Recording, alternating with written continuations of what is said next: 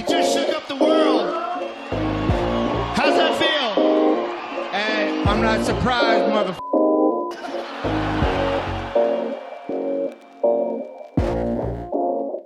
Hörru du, ska vi se om mitt te har svalnat lite här så får jag en liten... aik också. Åh, jag är dålig på varma drycker. Ja, en aik från Kiruna alltså. Mm. Mm. Du är uppmärksam. Ja. Men är du också gnagare? Nej, jag är Hammarbyare. Ska vi se, så ser man den där. Oh, du har... Okej. Se Mm. där. Du och Max Pisano. Ja, precis. Och några till. Och några till. De som jag känner i alla fall. Mm. Min son, han är här på besök. Han är, ska åka ner till Holland här nu imorgon. För eh, Bayern spelar ju mot Twente. Okej. I, ja, precis, i Europacupen. Så att, eh, han, är, han är taggad. Jag förstår det. Mm. Just den här fotbollskulturen i Stockholm. Det är någonting som, du vet vad har vi i Kiruna? Vad hade vi som bäst? Kanske division 2-lag. Eh, och jag har ju själv spelat fotboll men inte varit direkt intresserad på, på det sätt man har kollat på tv. Du vet, man hejar lite på Chelsea, man hejar lite på Real Madrid. Eh, och sen när jag bodde i Örebro så hade jag en, det var så jag blev gnagare, en, en vän som eh, också bodde där under den tiden och var gnagare. Och då sa han det att eh, "Hörru du, jag, ska ta med, jag ska ta med dig på ett derby så får vi se vad du säger sen. Och du vet, jag var ju neutral. Typ, Mm. Mm. Jag höll typ på Malmö, eller ja, man tyckte att Malmö var bra. Mm. Men så var vi på sista, sista hemmaderbyt på Råsunda innan den rivdes och eh, och då mot Djurgården. Och sen dess, ja, resten är historia. Ja, nej, men jag tror det är lite, är lite grann på det sättet att eh, liksom har man inte växt upp med kanske en förälder eller något liknande som, som håller på ett visst lag, så man har fått med sig det lite grann i modersmjölken och om man får det som du, liksom, lite till bjuds av en kompis, då beror det nog lite grann på vilket, vilket lag man bjuds med till. För att jag kan tänka mig att både, både AIK och Djurgården eh, är ganska häftiga att titta på, precis som Bayern. Eh, sen är ju Bayern alltid bäst att kolla på såklart. Jag var faktiskt på ett bortaderby på Tele2 också, mot just Mm. Bayern. Och det är, eh, man får säga vad man vill, vilket lag man än hejar på, men Stockholmsklubbarna vet läktarkultur. På, på gott och ont. Vissa är ju emot eh, liksom bengaler och bangers och allt vad, vad som händer, men det är häftigt i sig tycker jag. Mm. Mm. Ja, men det är en häftig kultur. Men du är lite mer av en eh, hockeykille har jag förstått. Det stämmer. Ja. Så, nej men, men fotbolls och läktarkulturen där, den är... Nej, nu går jag hellre på ett fotbollsderby, Stockholmsderby, än att gå och titta Luleå Hockey här. Mm. Eh, men that's life, I guess. Mm. Hörru du, eh, ja, för de som inte vet vem Thomas är. Thomas Gottlind, säger det rätt? Mm. Thomas Gottlind. Vem är Thomas Gottlind? För de som inte vet vem du är. Mm. Jag visste ju att den frågan skulle komma eftersom jag har lyssnat på din podcast. Du är förberedd. Ja, jag, jag, jag, jag tänkte att jag skulle vara förberedd men eh, det är ju en, eh, det är en knepig fråga när man ska förklara för någon vem, vem man är. Eh, nej, men i grunden, jag brukar väl säga att jag är en ganska grå och eh, tråkig eh, medelålders man som jobbar på kontor, sitter framför en dator hela dagarna men sen på nätterna så är jag ju en maskerad hjälte som eh, löser världsproblem. Utveckla det är du snäll. Ja, nej men som sagt, jag, jag är ju jag är en helt vanlig, vanlig kille som jobbar eh, med personalfrågor på eh, ett företag här, ett lite större företag i Stockholm. Men det som är min egentliga passion det är ju idrotten och då är det väldigt mycket uthållighetsidrott. Eh, och där tycker jag väl emellan varven att jag lyckas få till något litet hjältedåd. Inte förändrar det världen men eh, för mig så känns det ganska häftigt i alla fall. Och du kommer ju... Du sprang ju ett lopp här ganska nyligen. Var det i helgen? Ett litet, en liten eh, kortare Ja. variant. Ja, precis. Och men, men det du gjorde innan det, Ja, 511, Ja, precis. precis. Och, och du, får, du får berätta, för jag är jättenyfiken på just det loppet. 51 mil. Mm, precis. Nej, men det är en ganska häftig grej faktiskt. Jag har en kompis eh, som heter Peter. Eh, han eh, är en väldigt duktig löpare själv och han har varit runt och sprungit massa häftiga lopp runt om i världen och i USA så finns det ju eh, en himla massa häftiga ultradistanslopp. Och då finns det ett lopp som är just runt 50 mil och går enbart på asfalt.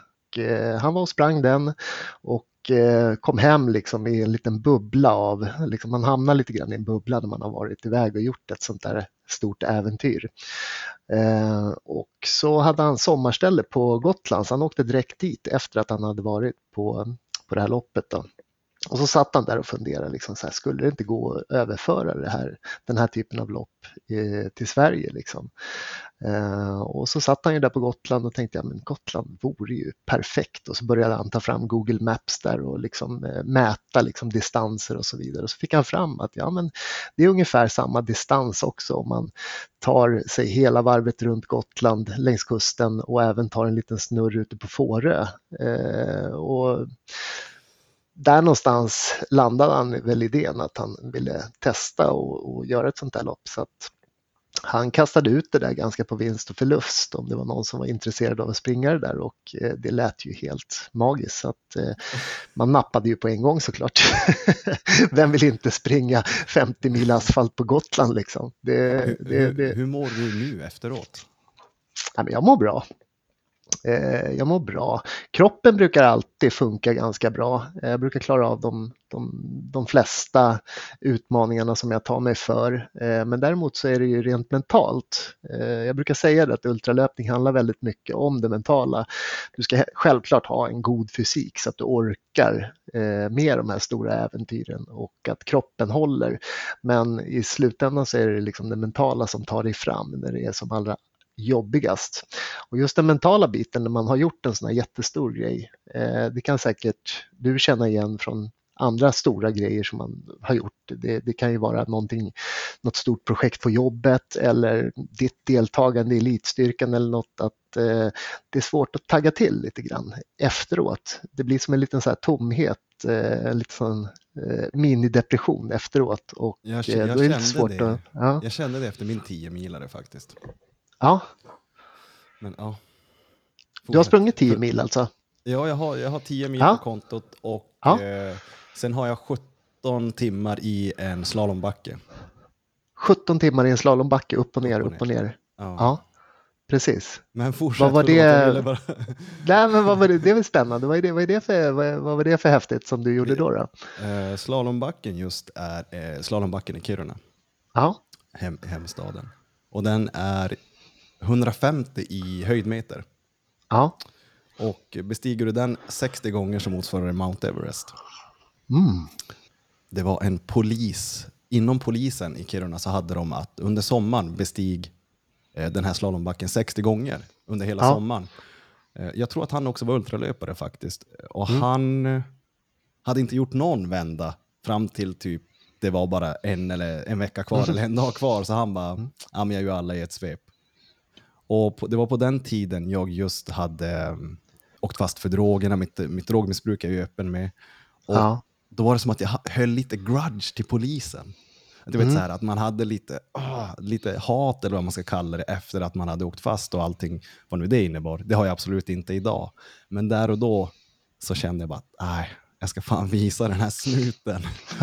jag som inte är ultralöpare kan slå mm. hans tid. Jag tror han gjorde det 60 vändor på 18,5. Eh, så jag hade ju ändå lite försprång där, för jag hade ju en tid att kunna mäta mig med hela tiden. Eh. Så, så, så jag gjorde det på 17 timmar och 9 minuter någonting. Fan, det är ordentligt bra alltså. Ja, men just det här med backe, den var 10 milan går som inte att jämföra med påfrestningen på, på volymen när man upp och ner, Nej. upp och ner. Så att, eh, det, är väl, det är väl det tokigaste jag gjort. Och sen då elitstyrkan, den korta tiden jag var där inne.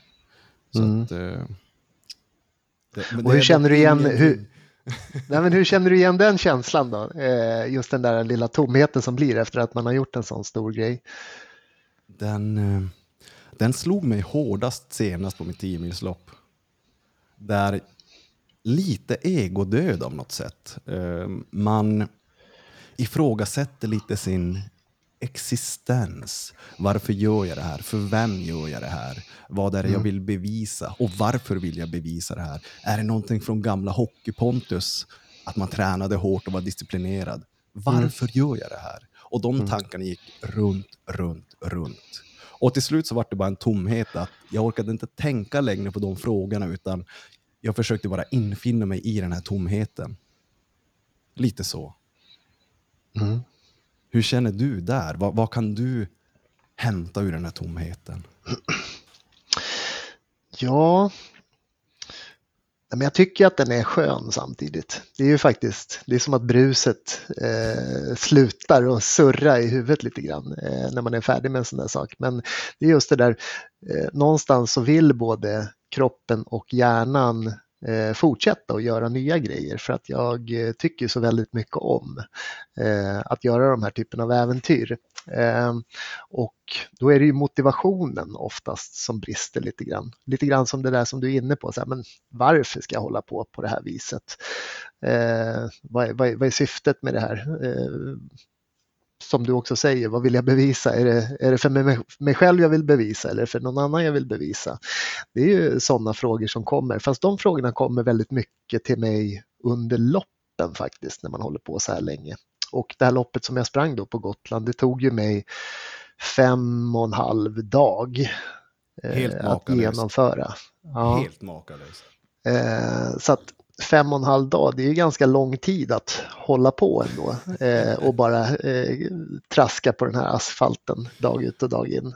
Eh, så att då, då hinner man fundera mycket kring var, var, var, varför man håller på på det här viset. Men i slutändan så vet jag ju det ändå. Jag tycker ju om att vara med mig själv. Det är ju framförallt därför jag sysslar med de här sakerna. Jag gör ju oftast saker på egen hand. Eh, många tycker om att göra saker tillsammans med andra och att man får liksom den här gemensamhetskänslan i det hela medan jag tycker om att vara väldigt mycket för mig själv, speciellt när jag ska göra de här stora sakerna. Jag kan jättegärna träna tillsammans med kompisar eller göra lite mindre äventyr. Och då behöver ju inte de äventyren vara mindre i form av att det är kortare distans eller något liknande utan det kan ju vara att jag känner att jag kanske är på en nivå där det inte är jätteansträngande för mig att göra det här eh, loppet eller vad det nu kan vara. Då kan jag göra det tillsammans med andra. Men vet jag att det är något rejält jag ska ta mig an, då är jag nog gärna själv. Och det är ju min motivation, att få vara med mig själv. Jag tycker ju om det och jag avskyr det på samma, samma gång. För att man är ju inte alltid sitt mest smickrande jag när man är som mest utmattad. Men den här 511 på Gotland, är det det längsta du har tagit dig an hittills? Ja, det är det längsta jag har sprungit. Eh, både distansmässigt och tidsmässigt så är det det längsta jag har gjort tidigare. Eh, någonsin. Vad är det längsta eh, i, i sträcka och i tid som du har gjort innan den? Ja, jag arrangerar ju lite olika sådana här äh, lopp på egen hand och då har jag lite devisen att jag alltid ska ha utfört de här loppen på egen hand själv innan jag utsätter någon annan för det.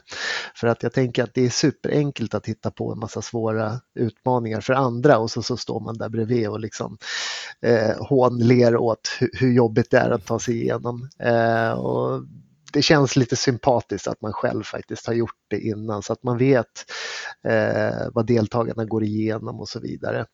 Eh, och det var då jag gjorde min längsta sträcka. Det var ett lopp som skulle pågå i 50 timmar. Det var själva grundidén med, den, eh, med det loppet och så hade jag lite olika loopar som man kunde springa på och så fick man göra så lång distans man klarade av på de här 50 timmarna då helt enkelt. Och när jag testade det, då gjorde jag 26 mil. Eh, men jag fick inte riktigt ihop 50 timmar för jag hade också någon idé om att jag inte skulle sova under hela de här 50 timmarna. Och det lyckades jag inte riktigt med så att eh, någonstans där eh, söndag eftermiddag. Då eh, fann jag mig själv sovandes i ett dike och när jag vaknade upp där så, och inte förstod vad som hade hänt riktigt då, då tänkte jag så okej okay, men nu är det nog över även fast det inte har gått 50 timmar för jag lyckades inte hålla mig vaken. Det är en helt annan nivå det där Thomas och det gör mig så förbannat nyfiken för jag kollar ju, jag ser väl upp till och kollar mycket på David Goggins och nu har jag just hittat en kille som heter Chad Wright, före detta Navy Seal, som också kör eh, eh ultramaratons. Och det, du, får, du får rätta mig om jag har fel, men om det är en skröna eller inte. Men vi som tar oss an sådana här utmaningar, du är en nivå, flera nivåer högre än vad jag är. Men det sägs ju att vi brottas med demoner.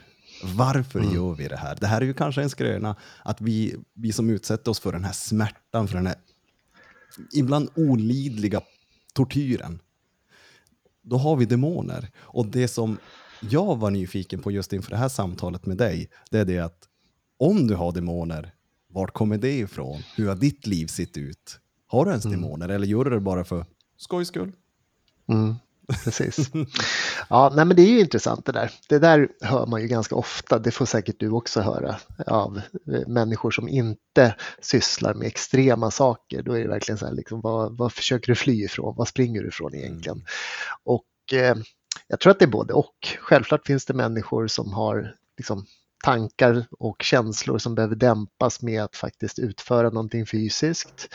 Sen finns det ju de som inte har det och jag tänker att det spelar ingen roll hur extrema de här loppen är egentligen utan det handlar ju om liksom Ta en elitidrottare exempelvis. Eh, just nu så har ju liksom Tour de France precis slutat.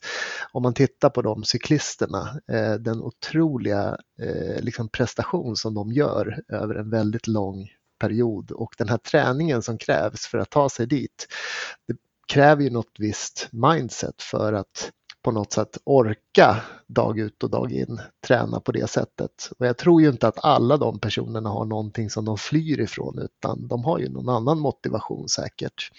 Så att jag tror att eh, ja, det finns väl en viss sanning i det samtidigt som eh, många personer gör det av helt andra orsaker. Eh, de kanske vill bli bäst på någonting helt enkelt. Mm.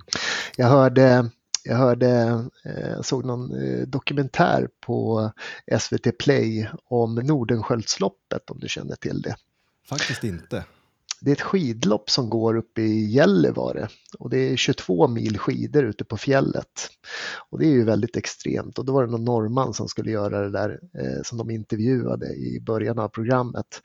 Och så frågade de honom lite grann kring hans mål och vad han tänkte sig och så vidare. Så, ja, nej, men han ville ju åka fort och sådär. Men, sa han, vi får se om jag idag orkar bli så trött som jag måste bli.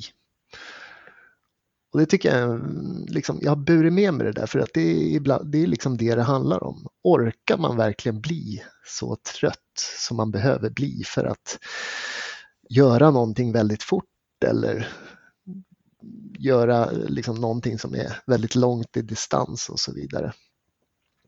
Men för att återgå till din fråga gällande mig själv för att jag inte bara ska glida iväg på liksom rent allmänt hur jag tänker kring saker och ting så Eh, så är det nog både och för mig också. Eh, och det behöver inte vara något negativt, för oftast finns det någon negativ klang. Kan du känna igen det i det? Att det är en lite negativ klang i att säga, men vadå, vad flyr du ifrån? Du har säkert massa demoner som du måste liksom hålla i schakt. Det låter ju väldigt negativt. Ja, jag kan eh, absolut hålla med dig. Och jag ser det lite grann som, eh, det är livet. Har inte vi alla någonting vi brottas med? Och, mm. och vi gör det på olika sätt. Så att sen om man springer ultramaratons för att brottas med det eller fly eller vad du nu än vill göra, det är upp till var och en att, att komma på. Det är inte upp till mig att sitta och döma dig Thomas och låtsas och spekulera i vad, varför du gör det du gör.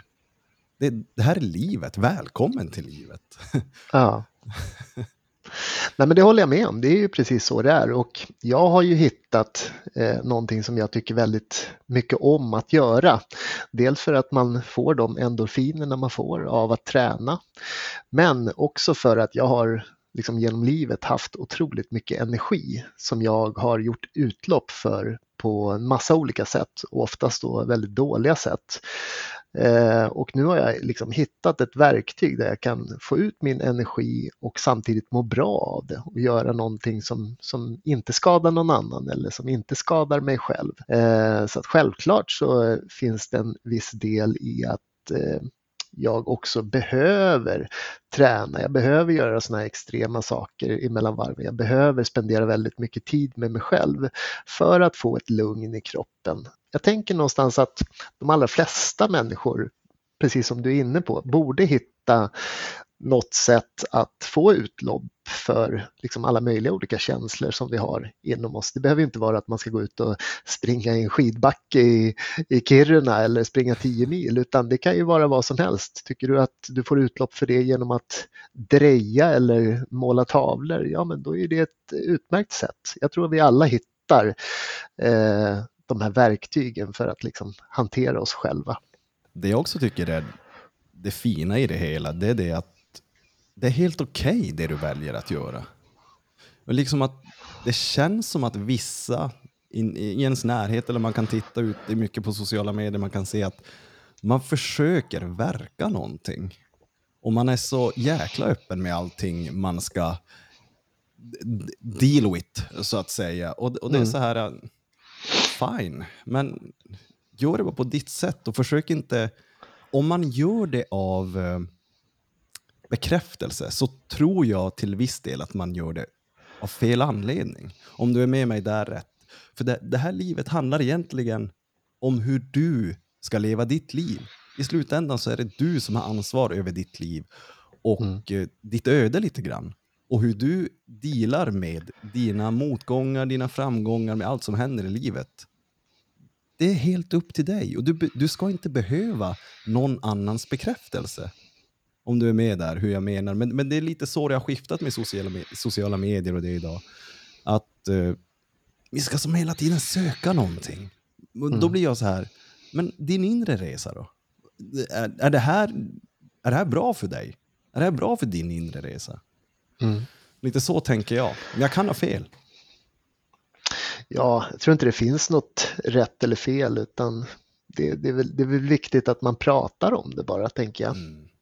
Och bekräftelse, jag tror ju någonstans att vi alla har ju ett behov av bekräftelse på något sätt. Om det är från våra föräldrar eller från kompisar eller från ens partner eller människor eh, som man inte ens känner ute i sociala medier.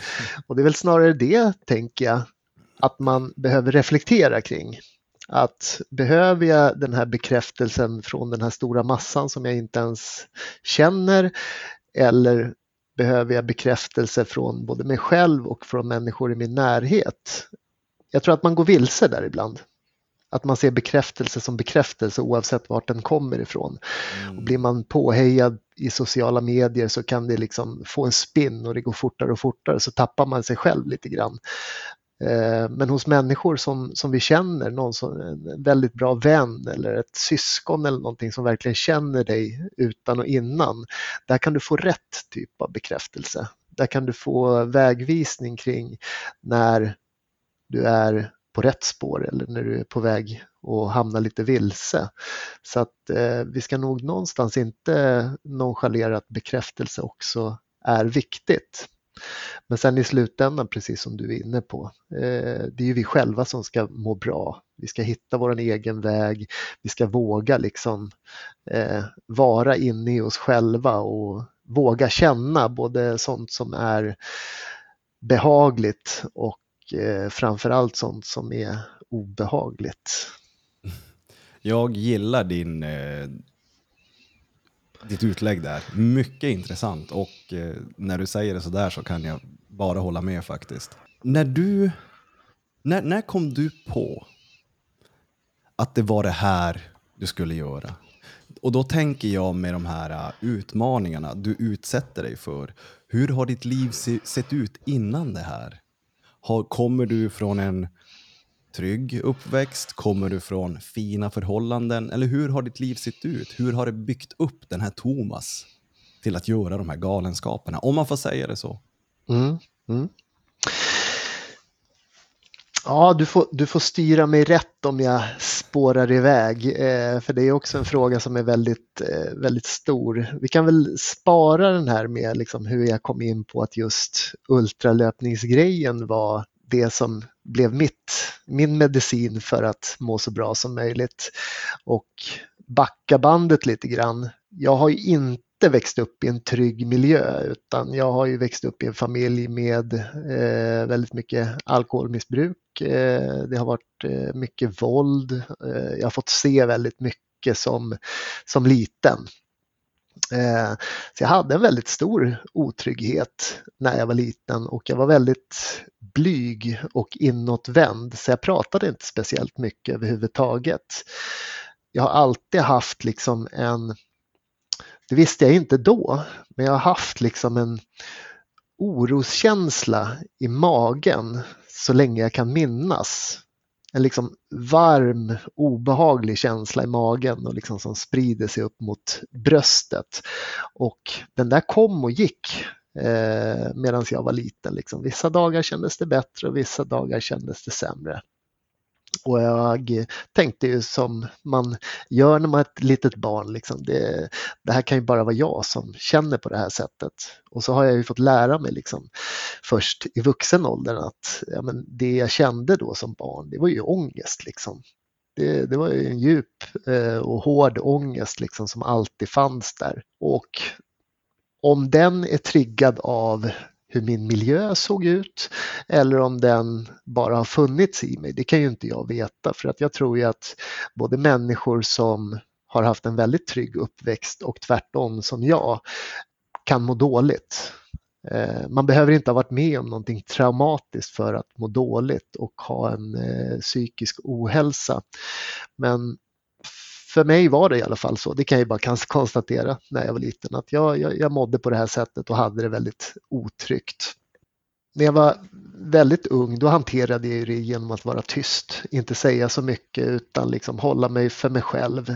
Men allt eftersom jag blev lite äldre så började ju det här ge utlopp av att jag blev liksom utåtagerande. Eh, jag hade liksom en, en ilska i kroppen som behövde komma ut och den kom ut på olika sätt genom att jag var liksom väldigt bråkig och stökig. Jag gjorde massa småbrott, liksom. det kan jag också, så, så länge jag kan minnas liksom, har jag liksom hållit på och gjort små inbrott här och där, snott någon cykel. Det började liksom väldigt oskyldigt tyckte jag då, men helt plötsligt så när man kommer i tonåren så har det blivit en normalitet att man man tar det man vill ha helt enkelt. Om det är någon som står i vägen så eh, ger man dem en snyting. Liksom. Det, och därifrån det var det...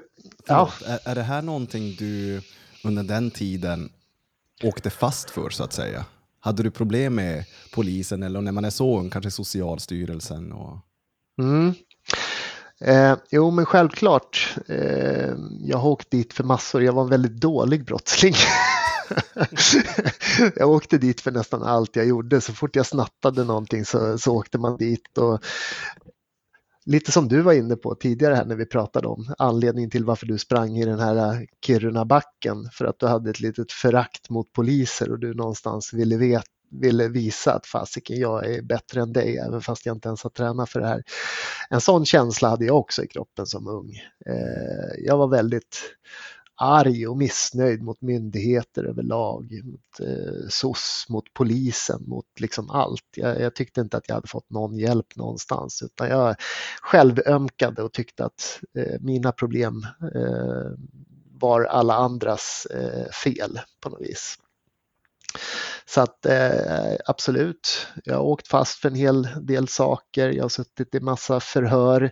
Jag har varit på senare då när man blev lite äldre så hamnade jag i lite rättegångar och såna här saker. Men det blev också en sån här normalitet att göra något, form, något, något brott, sitta i ett förhör. Eh, ja, det var en axelryckning för mig. Det var liksom, det fick man, fick man stå ut för och samma sak man har druckit eller tagit några droger och varit ute och slagits så har jag ju många, många, många gånger vaknat upp i liksom fyllecellen dagen efter och jag tyckte inte heller att det var så himla konstigt utan det var liksom eh, resultatet av, var man ute och festade och slogs, ja då kunde man ju räkna med att man eh, blev tagen av polisen och eh, stoppad i, i en cell. Liksom. Var det här, när, när, du kom in på det här spåret, dels dina känslor som nu har blivit eh, fysiska, som du, som du har gått och bärt på sedan du var barn. Umgänget, liksom miljön runt omkring dig. Var det så att du sökte dig till en sån miljö? Om, jag gissar att du inte var helt själv. Liksom att du hade dina kompisar och, och ni tillsammans kanske var lite småkriminella. Liksom, hur, hur blev den? Hela den situationen. Var det du som sökte dig till dem eller är det kompisar som har varit med hela livet? Jag har nog egentligen aldrig haft speciellt mycket kompisar utan jag har varit ganska stökig på, på egen hand. Sen så har man självklart haft lite medkumpaner här och där och sådär men jag har egentligen aldrig haft någon som har varit riktigt nära. Eh, det har nog varit ett ganska stort problem för mig har jag förstått liksom nu i vuxen ålder att jag har haft väldigt svårt för att släppa in människor. Jag har haft svårt för att ha kompisar. Väldigt mycket bekanta har jag haft, liksom, men att, att verkligen ha nära kompisar på det sättet, det, det har jag nog aldrig riktigt haft.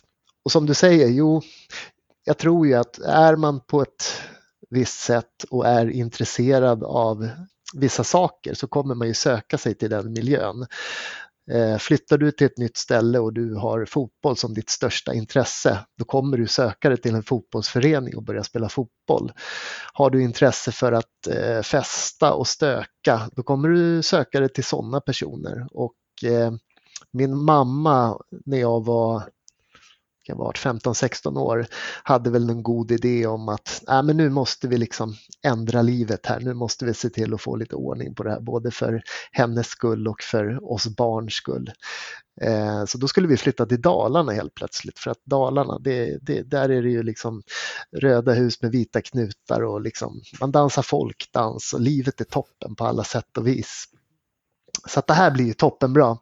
Så då flyttade vi upp till, till Leksand och eh, det tog ju inte speciellt lång tid innan jag hittade människor som, som gillade det som jag gillade. Liksom. Så att, eh, på det spåret var det ju, det fortsatte ju på samma sätt eh, där också.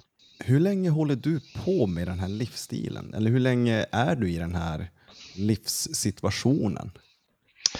Ja, det är lite svårt att säga. Jag har ju en specifik händelse som gjorde att jag ändå förstod att jag behövde göra någonting åt det här. Men jag tror att det är väldigt få som från en natt till en, till, eller från, från en dag till en annan bara, bara förändrar sitt liv helt och hållet utan det är ju liksom en process att ta sig dit. Och det tänker jag att alla bör ha med sig om det är så att man vill göra en förändring oavsett om det handlar om jag vet inte vad, man vill byta jobb, byta karriär, man vill gå ner i vikt och så vidare. Det kommer inte gå att göra från en dag till en annan utan det kräver jobb och engagemang och liksom en inre styrka att ta sig dit. Eh, så svaret på frågan är väl att jag kanske var i den här livsstilen fram tills jag var i 30-årsåldern mer eller mindre. Men eh, när jag var 22 år Eh, då inträffade ju någonting som gjorde så att jag liksom verkligen tog, ja, men tog tag i saken och förstod att fasiken, jag behöver göra någonting åt det här faktiskt. Det, det, går inte att leva på det här sättet. Vad var det för händelse just där när du var 22? Ja, men då blev faktiskt min flickvän, eh, eller min flickvän eh, var gravid och vi skulle få barn. Och jag levde på precis som vanligt eh, jag var inte stökig hela tiden utan jag hade liksom jobb och sådana här saker och skötte de sakerna. Men eh, så fort jag festade liksom på helgerna och så här, då spårade det alltid ut. Jag kunde liksom inte hantera alkohol och droger utan då blev jag, eh, jag hamnade i trubbel varenda gång. Så att jag fortsatte ju leva på som vanligt och så började det närma sig liksom dagen när Eh, min flickvän skulle födas och jag var ute och festade, hamnade i ett slagsmål. Inget ovanligt med det egentligen tyckte jag. Eh, vaknade upp i en fyllecell dagen efter och tänkte ja men det är väl som vanligt. De brukar släppa ut den liksom innan lunch där någon gång för då tycker de att man har nyktrat till. Då har de haft, eh, liksom, haft den i förvar i sex timmar och sen så är det liksom dags att gå ut på gatan eh, igen. Men då kom de faktiskt in till mig och eh, sa att de hade anhållit mig för den här misshandeln. Och det innebär ju då för den som inte vet att då kan de hålla en i förvar ytterligare tre dagar tror jag det är. Och eh, sen så kommer de då utreda om det är så att man behöver någon ytterligare åtgärd på det här eller om man vill släppa, släppa personen. Då. Eh, och jag var ju helt i chock, liksom, så, men det här är helt orimligt, det har jag aldrig varit med om att man har blivit anhållen, att de ska hålla en ytterligare liksom, tre dagar och för den som inte har suttit i en fyllecell så är det en ganska otrevlig plats. Det är en väldigt, väldigt litet rum i betong med en grön galonmatta på golvet. Det finns ingen toalett eller något sånt där inne utan behöver du gå på toa då behöver du knacka på och liksom få, få hjälp med att eh, gå ut på toaletten. Hade ni det så? så? Ja. Du, fick, du fick ändå lämna cellen, okej. Okay. Den gången jag satt ja. i fyllecell, vi hade som bara ett hål i, i väggen mot golv, där golvet, väggen. Ja, precis. Nej, men, eh, när man sitter i fyllecell, då, alltså, det är ju en brunn i mitten. För att mm. eh, ja, det är ju inte helt ovanligt att folk bara pinkar på golvet. Liksom. Men när du ska sitta där i tre dagar och du dag, mm. eh, dagen efter har nyktrat till, då ska det lite mer till för att man ska ställa sig och pinka precis där man ligger och sover. Eh, så att eh, då knackar man på och så får man gå ut och gå på toaletten faktiskt. Men det stämmer som du säger, när man bara sitter i fyllecell i förvar, då får man ju inte gå ut utan då får du ju ligga där. Liksom. Det, det, det är det som gäller. ja, men som sagt, så, så var det. Och eh, det slutade ju inte med de här tre dagarna utan efter tre dagar då kom de in till mig och så sa de att eh, vi kommer begära dig häktad för den här misshandeln som du har utfört. Så att eh, då skulle jag ha en häktningsförhandling. Och då fick jag åka till eh, tingsrätten och då har man en häktningsförhandling där de egentligen bestämmer om det är så att du ska sitta kvar i förvar eller inte. Eh, de bestämde att jag skulle sitta kvar i förvar och då skickades jag vidare till Eh, till Flemingsbergshäktet där jag blev sittandes i en månad i väntan på rättegången. Och under den här månaden då, då födde ju eh, min flickvän vårt, eh, vår första son. Då. De hade lovat mig där på häktet för att jag sa ju det här till dem, alltså min, min flickvän är gravid, liksom. vi måste ju lösa det här på något sätt. De, eh, om det blir så att de ska föda. Så de sa det att absolut, det, det ska vi lösa. Liksom. Du kommer få vara med när, när din son föds. Liksom. Det, det, kommer vi lösa.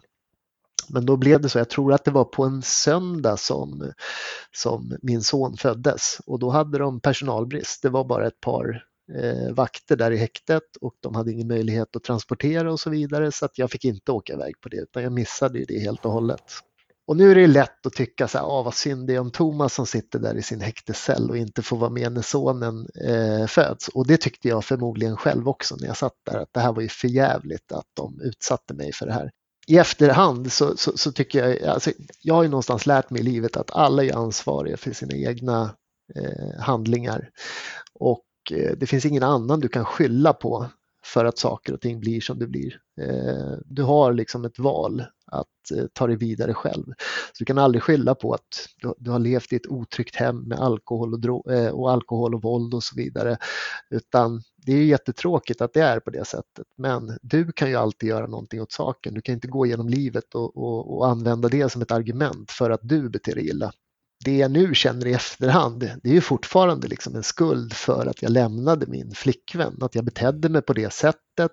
Hon fick hantera hela den här situationen på egen hand, slutskedet av en graviditet, föda barnet, allt vad, liksom, som har med det att göra, samtidigt som hon självklart var jätteorolig för att jag satt ju häktad. Liksom. Hur skulle det här gå? Och det är ju någonting som jag liksom aldrig kan göra ogjort, men någonting som jag då och då faktiskt fortfarande tänker på och mår ganska dåligt över att jag, att jag gjorde på det här sättet. Men återigen till den här eh, häktescellen då. Måndagen eller tisdagen efter att min son hade fötts så, så var det rättegång. Eh, jag kommer inte ihåg så mycket av det, jag brydde mig inte så mycket faktiskt.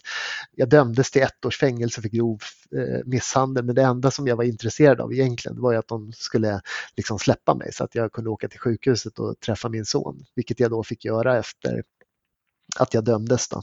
Och det var ju den här incidenten som fick mig att ändå liksom förstå att jag, jag, jag måste göra någonting. Så här kan jag inte hålla på i mitt liv utan jag måste, jag måste få till en förändring. Då började ju liksom den resan på något vis. Och då var jag 22 år. Och som jag sa att den pågick ju fram tills jag var 30 kanske eh, på ett eller annat sätt. För att jag insåg ju någonstans att jag har ju liksom en missbruksproblematik. Jag kan hålla mig ifrån alkohol ganska bra men när jag väl dricker så, så spårar ur och det funkar liksom inte riktigt. Så att, eh, jag hade ju återfall längs vägen där jag hamnade i trubbel återigen. Eh, sen så hade jag ju året som jag satt i fängelse under den här perioden också. Då hade vi faktiskt fått våran andra, vårt andra barn, så då hade vi två barn.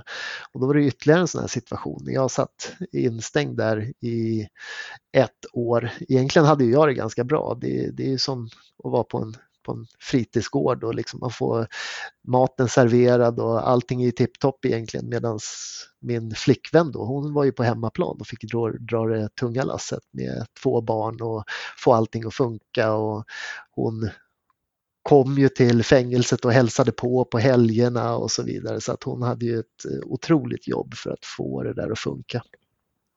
Så det är alltså som de säger om svenska fängelser. Det kanske inte är så för alla fångar men det är eh, ganska behagligt om man får använda det ordet. Jag skulle säga det. Eh, nu satt ju jag, ska jag ju säga också att jag satt ju på en eh, klass 4-anstalt, vilken är den lägsta säkerhetsklassen. Sitter du på någon av de eh, hårdare klassade fängelserna så har du ju väldigt, väldigt mycket hårdare. Eh, så att sitter man på några av de här lite lägre klassade fängelserna, klass 4, klass 3, då har du det ganska bra. Man får röra sig ganska fritt på området, man har någon sysselsättning på dagen, man har frukost, lunch, middag eh, serverad. Eh, du har oftast något så här rekreationsområde där du kan liksom springa och eh, spela fotboll och så vidare. Så att själva, själva miljön på det sättet är ju eh, ganska, ganska trevlig. Sen så sitter du ju med en massa människor som kanske inte alltid är så trevliga och det kan ju vara en ganska liksom hetsk stämning för det är ju allt ifrån någon, eh, någon som har suttit för skattebrott till någon som kanske har kört för fort eller kört onykter, en vanlig Svensson till faktiskt grova kriminella som kanske har suttit på tyngre Eh, eller på, på längre straff och som i slutet av sin eh, fängelsetid får kliva ner i säkerhetsklass för att de ska slussas ut i samhället. Så att det är en väldig blandning av människor och det är ju aldrig liksom, det är ju aldrig en trygg miljö när man sitter bland människor och så en massa män som sitter instängda och har en massa frustration inom sig. Det, det leder väl både till det ena och det andra tänker jag. Har du något Eh, någon incident inifrån kåken som du känner att fan, det, där, det var obehagligt? Som, som där du har varit involverad? Nej, jag var aldrig faktiskt involverad i något utan jag höll mig på min kant. Jag blev till och med ordförande för våran, våran eh, vad ska man säga, det är olika såna baracklängor där vi satt 20-25 eh, personer i varje länga så blev jag liksom talesperson för våran barack. Så jag, jag, jag hade en ganska bra nivå men jag var ju med om saker där inne som som, som är liksom obehagliga naturligtvis. Eh, det är ju en del uppgörelser och sådana saker som sker inne på fängelserna och eh, som man bara ska hålla tyst om helt enkelt. Men man ser ju att det sker. Liksom. Är, är det så att eh, man kanske tar det här från film, amerikanska filmer, att vakterna är medvetna om det här och lite grann låter det ske? Är det så det funkar där? Jag tror inte det faktiskt. Jag tror att okay. eh, vakter eh, i svenska fängelser är eh, väldigt bra. Sen finns det alltid rötägg inom alla skrån, men det, det tror jag inte. Men däremot så, ja, de här uppgörelserna, man kan ju bli förflyttad mellan olika fängelser och precis som, som jag sa där, om du har suttit en, ett längre, eh, längre fängelsestraff så flyttas man ju liksom ner i säkerhet eh, när man ska liksom slussas ut i samhället om man har skött sig på ett bra sätt naturligtvis. Och det där nyttjas ju väldigt mycket av eh, de kriminella. Om det är någon person som man vill åt som sitter då på, på, på en viss anstalt, då kan man ju nyttja en person som ska flyttas till den anstalten som kanske får betalt då för att ja, ta hand om den här personen när de väl kommer dit. Och får de tillräckligt med bra betalt så kanske inte de bryr sig så mycket om det är så att de bara har ett halvår, ett år kvar på sitt straff, utan de tar väl gärna det där, det där extra som det innebär då kanske. Det är en, eh, en miljö som, eh, som är intressant. Men samtidigt när du berättar så känner man, jag hade inte velat vara där. Nej, och det är väl det man ska ha med sig när man pratar om att liksom fängelsemiljön i Sverige är så pass bra som den är, vilket den är liksom rent ytligt, liksom med vilken mat man får, standarden på eh, lokalerna som man befinner sig i och så vidare. Eh, men det finns ju hela tiden den här otryggheten. Det gäller ju liksom vara på sin vakt och hålla sig på sin kant helt enkelt. Det är väldigt, väldigt dumt att hamna i luven med någon när man sitter inne. Mm. Hur tog eh, din flickvän, är det hon du är med idag? Nej, eh, idag är jag, ett, eh, är jag gift med en annan kvinna. För det jag tänker, hur gick eh, kom kommunikation, era konversationer och, e och era relation, hur höll den ihop så pass länge, om jag tolkar det rätt, trots den du var? Ja, det har jag frågat mig också faktiskt. Nej, men hon måste ju ha haft en ängels tålamod och väldigt stor kärlek till mig gissar jag. Eh, för att jag var ju allt annat än bra. Jag var ju bedrövlig måste jag säga. Eh, så att jag, jag, vet faktiskt inte. Jag hade väl mina goda stunder, alltså, när jag var liksom nykter och den här liksom vanliga Thomas som skötte mig och gick till jobbet och så vidare. Då, då tror jag nog att jag var liksom väldigt bra, ansvarstagande, gjorde det som, som, som man förväntas göra och så vidare. Så att eh, det, det, det, allt är ju inte svart eller vitt, eh, utan en person som begår misstag kan ju fortfarande vara en bra person, tänker jag. Ja, nej, men hon, eh, hon, hade, hon hade stort tålamod, det hade hon. Men sen så blev det här mindre frekvent återkommande när jag gick ut och festade och, och gjorde bort mig efter det här fängelsestraffet för då var jag ju väldigt, väldigt rädd för att råka hamna liksom i en sån här situation igen. Vad tror du, eller om du har fått svar på det, vad var det som gjorde att du faktiskt sökte dig till de här miljöerna igen? Ja, jag vet inte om det var miljö, eller jo, det var det väl också miljöerna kanske. Eh, men det var väl liksom suget efter att vara ute och festa. Det var ju fortfarande det jag gillade liksom. Jag gillade ju känslan av att vara berusad liksom. Eh, mm. Sen trodde man väl i sitt enfald liksom så här, men nu har jag varit nykter och nu liksom, vadå, jag ska väl kunna gå ut och ta några öl precis som alla andra liksom. Men eh, det kunde inte jag. Vad var det under den tiden, fram till, efter fängelsestraffet, fram till att du är ungefär 30? Är det sl mer slagsmål? Är det mer inbrott? Lite småkriminella grejer? Vad är, vad är det för grejer du faller tillbaka till under den tiden? Ja, nej men de här små krim, eh, kriminella grejerna som inbrott och alla de här sakerna, det var ju sånt som jag höll på med i ungdomen. Det var ingenting som jag höll på med i vuxen, vuxen ålder, utan i vuxen ålder då var det ju snarare att jag eh, eh, drack, tog, tog droger och slogs liksom. Hamnade i mm. slagsmål. Var, var du den som initierade de här äh, slagsmålen eller var det så att någon kunde gå in i dig och allting bara poff, exploderade? Många gånger var det nog eh, både och. Dels att man sökte sig, att man var en ganska stökig person som sökte upp och ville att det skulle hända någonting. Men också minsta lilla kunde ju liksom trigga det hela. Hur, hur länge var du med eh, den här flickvännen? Vi var tillsammans i 13 år. Vi träffades ganska tidigt. Vi träffades när jag gick på gymnasiet. Jag tror att jag var 15 eller 16 och hon var väl 14-15 där någonstans. Så vi var tillsammans ganska länge. Vad var det där som eh, vad var det där senare som gjorde att ni faktiskt eh, gick isär? För jag försöker få en, få en koppling och förstå lite grann ditt liv, din, din, eh, din livssituation ja. och nu med barn och, och en tjej som är hemma när du sitter på kåken. Mm. Och liksom, det är så här, shit, hon har ju också fått gå igenom en, en hel del kan jag tänka mig, bara genom att vara med dig. Ja, men verkligen. Alltså, som sagt, all eloge till, till henne. Hon, eh, hon har gjort ett storartat arbete, det måste jag ju säga. Det att vara med en sån jävla klantskalle som mig. Eh, vi fick ju tre barn till slut, så tre barn har vi tillsammans. Okej, Eh, ja, eh, och sen så levde vi nog några år, liksom ett ganska ordnat liv efter att jag hade kommit ut eh, från, från mitt fängelsestraff. Men det var ju hon ändå som initierade att, att vi kanske skulle gå skilda vägar. Någonstans hade väl hon tagit sig vidare och liksom ville börja ja, men bli vuxen ska man säga, liksom skaffa ett riktigt jobb, eh, utbilda sig. Eh, och hon kände väl liksom att vi, vi var inte på, på samma nivå. Så att där någonstans började det väl liksom gnissla lite grann och det var ju inte från en dag till en annan det heller att liksom vi bröt upp. Men till slut så, så flöt vi väl isär på något vis. Eh, men det var ju på initiativ från henne.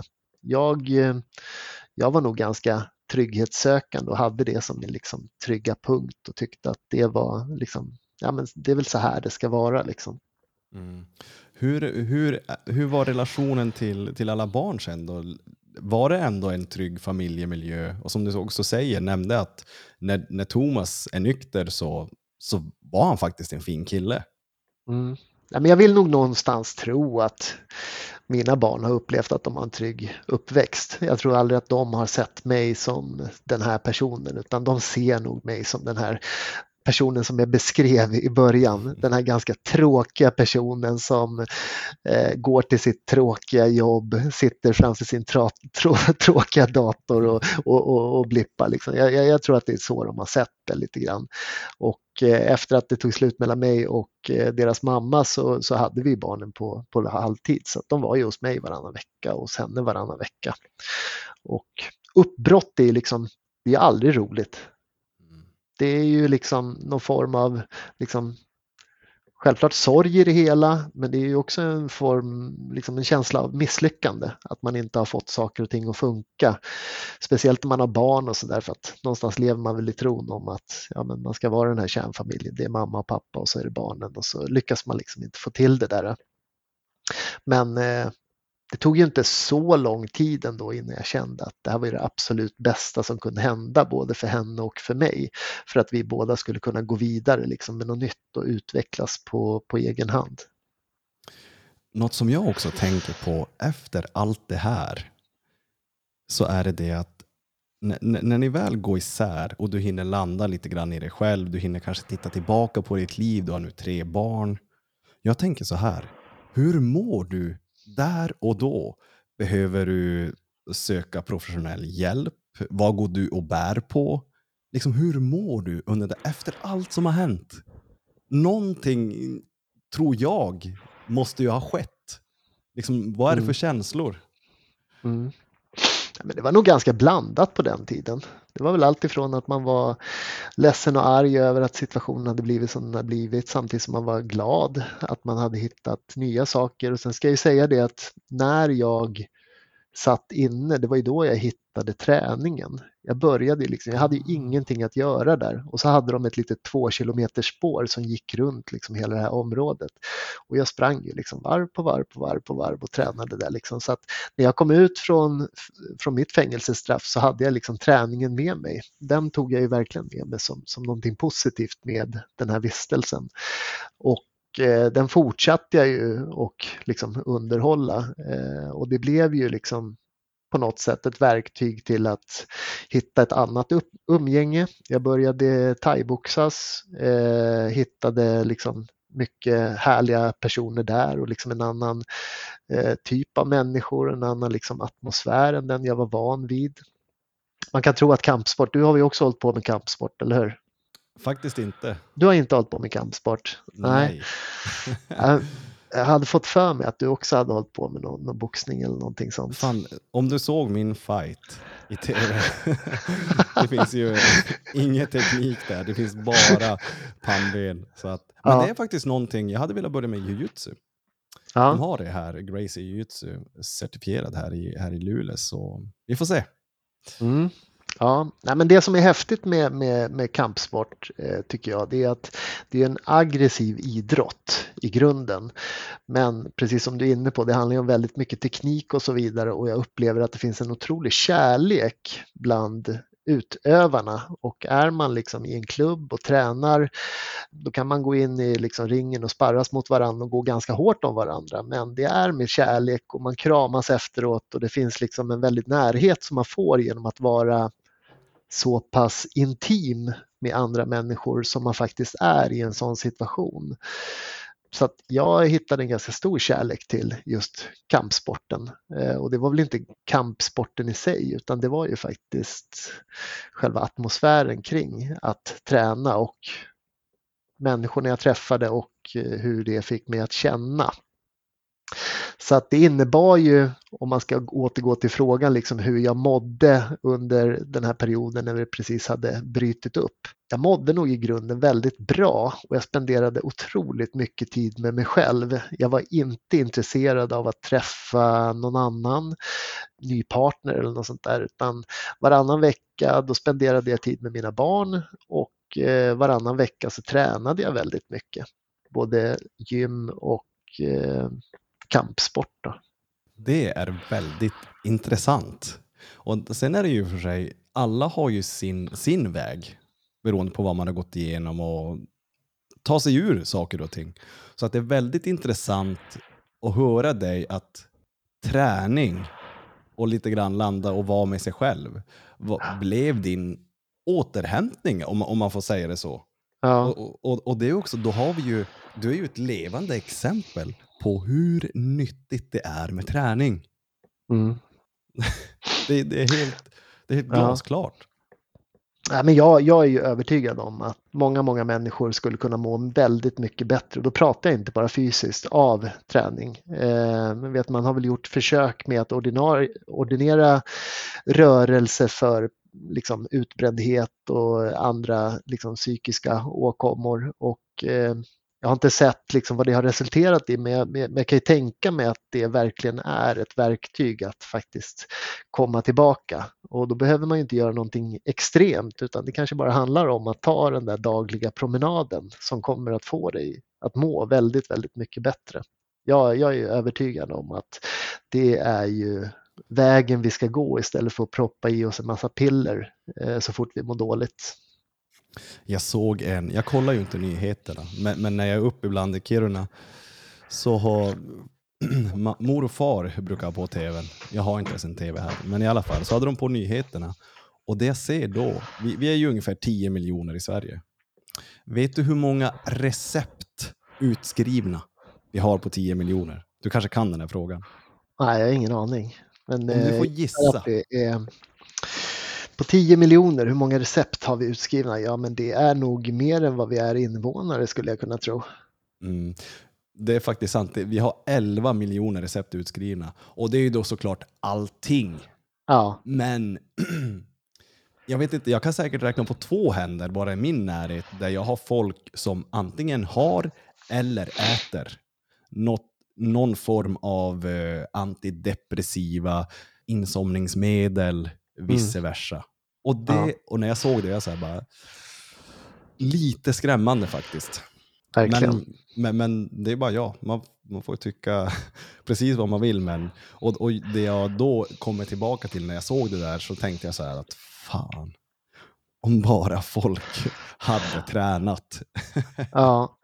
Problemet jag ser, det är ju egentligen inte personerna som mår dåligt och som faktiskt eh, får de här läkemedlen utskrivna till sig, utan det är ju på sättet vi tar hand om dem som mår- dåligt. För att vi kan inte förvänta oss att en person som mår dåligt ska kunna ta en massa eh, välgrundade beslut, utan de personerna förlitar sig ju naturligtvis till personer som de tror har kunskap på området. Om vi då liksom så fort det är något eh, skriver ut ett piller till, till höger och vänster, ja då kommer vi inte komma till bukt med det utan vi måste ju ha mycket, mycket bättre vägledning där av personer som mår dåligt.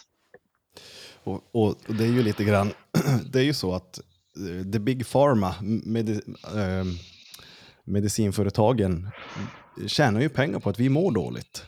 Så Mm. att eh, jag vet inte hur populärt det är om man är en sån som till exempel du eller jag som förespråkar eh, personlig utveckling med träning och meditation Mm. och kallbad, vice versa. Då tjänar inte de några Mm. pengar.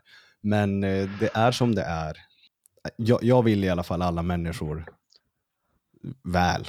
Att istället för att bara behandla en symptom så ta istället tag i problemet i grund och botten. Men det är svårt Mm. att tala till 10 miljoner eh, människor. Eh, och det är vad det är. Men eh, Mm. jag, jag försöker Du, inspirera. du, Ja. du, näm- du nämnde någonting intressant där. Du sa det lite i förbifarten att du tittar ju inte på nyheterna. Kan inte du utveckla det? Vad, vad, vad är grejen med det?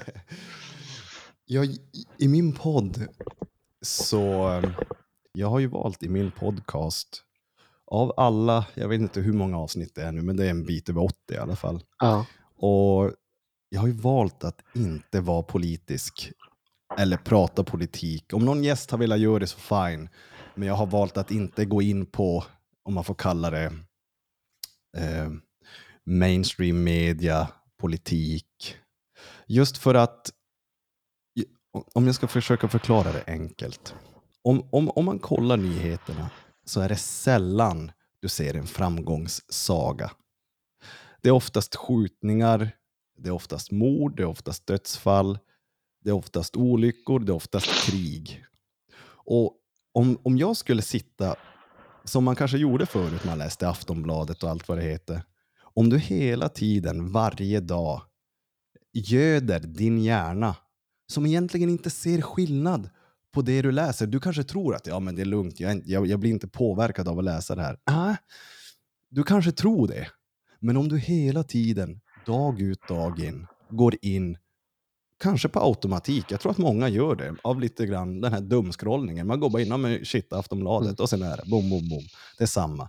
Och då tänkte jag så här att varför? Vad har jag för nytta av den här negativiteten? Och det här är ju någonting som har kommit på senare dag när jag blivit äldre. Och då, då valde jag bara att nej, jag, jag testar. Jag, jag, jag behöver inte veta. För det är så här att okej, jag lever det här livet, jag har de här målen, jag, gör, jag har de här rutinerna. Hur och varför ska jag implementera den här skjutningen i Norrtälje till min vardag? Vad, vad vinner jag på det? Vad kan jag få för vinst av det? För det är lite det som är livet och din vardag.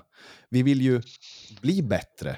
Vi vill kunna utvecklas och vi vill kunna vara kanske så glada som möjligt eller ha det så drägligt som möjligt. Och då tror inte jag att en skjutning i Södertälje eller var det nu är kommer gynna mig. Nej. Det, det är negativt.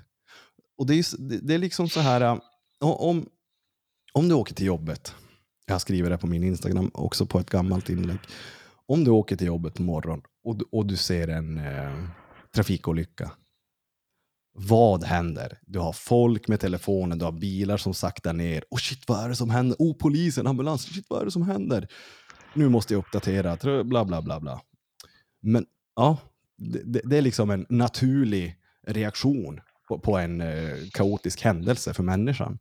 Men det är sällan jag har varit med om att en jättefin soluppgång och det är folk som filmar, fotar, bilar stannar på väg till jobbet. Det händer inte. Men för mig är den här soluppgången mycket finare och ger mig mer än vad en trafikolycka gör. Mm. Om du förstår vad jag menar. Mm. Och, och det är lite så där jag har valt att eh, ta ur ett nyhetsflöde ur mitt liv. Men, men, men tänk, om, tänk om Ryssland kommer, om Putin invaderar Sverige. Tro mig, jag kommer få veta om han gör det. Jag behöver inte läsa Aftonbladet varje dag för att hålla mig uppdaterad och oroa mig i förväg. Så att det, det är så jag ser på det. Och, och det, ja. hur, hur känner du? Vad är din... eh, Läser du nyheterna eller kollar du nyheterna? Jag hade ju hoppats någonstans på att det var ungefär det svaret som du skulle leverera på frågan. För att eh, Okej. det var därför jag fastnade lite grann för den. Jag tror att det är många människor som går åt det hållet som du har gått åt och som faktiskt jag också har gått åt. För att jag är eh, precis på samma nivå som du.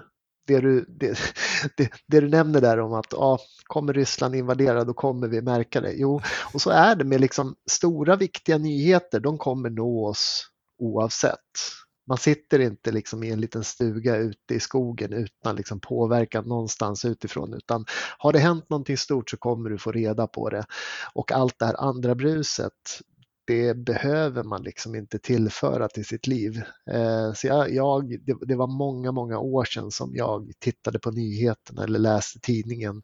Jag kan gå in på nyhetssajter när man hör att någonting mm. väl har hänt. För att då är det ju faktiskt ett intresse i att faktiskt ta reda på vad är det 17 som har hänt nu. Men allt, allt det här andra bruset, det håller jag mig också ifrån. Och det kommer inte bara till nyheter utan det handlar ju liksom om all konsumtion som man gör och det är det jag vill koppla lite grann till. Du och jag, vi har ju suttit idag nu här och pratat otroligt mycket om liksom hur såg min barndom ut, hur såg min uppväxt ut, hur såg min liksom unga vuxna ålder ut som var kantad av väldigt mycket tråkigheter. Och jag var ju inne just på det här att man har ju ett eget val.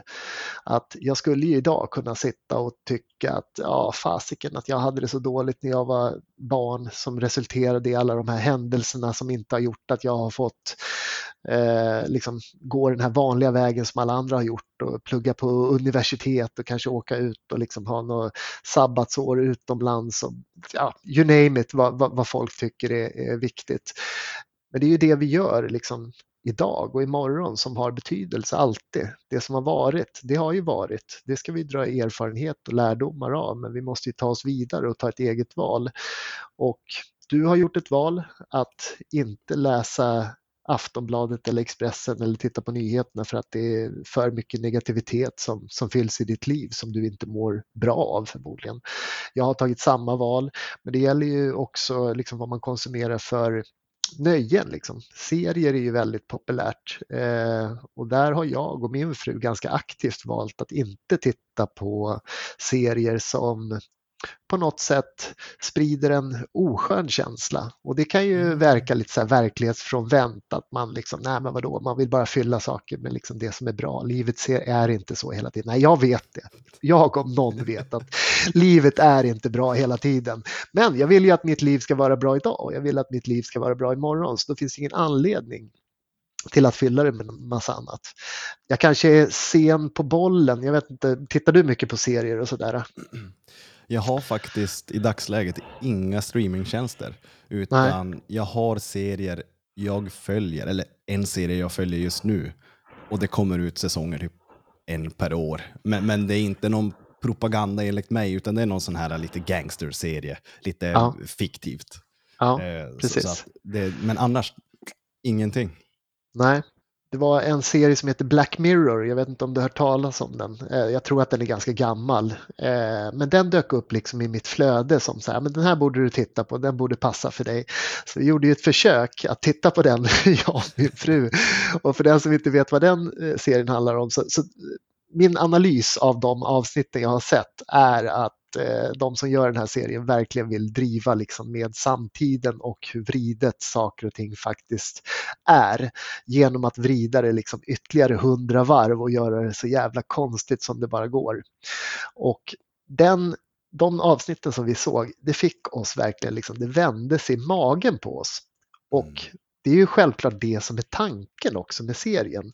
Men vi kände någonstans efter några avsnitt att så här, men det här kan vi inte titta på. Alltså jag, blir ju helt mörk. Alltså vi vet ju att världen kan vara ganska bedrövlig. Behöver vi liksom spä på det på det här sättet? Så att, eh, det jag ville säga med det, det, det handlar liksom inte bara om, eh, om nyheter och så vidare, utan lite grann som du är inne på också. Vad väljer man att liksom titta på? Vad väljer man att ge fokus? Ger man fokus åt olyckan eller ger man fokus åt soluppgången? Ja, jag skulle ju välja soluppgången liksom alla dagar i veckan.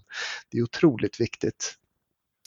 Det är väldigt intressant att du nämner Black Mirror, för där har jag också varit igenom eh, Senast nu när jag var i Portugal för några veckor sedan så polan kollar faktiskt Black Mirror och innan man ska somna då så ja, men drar man igenom ett avsnitt.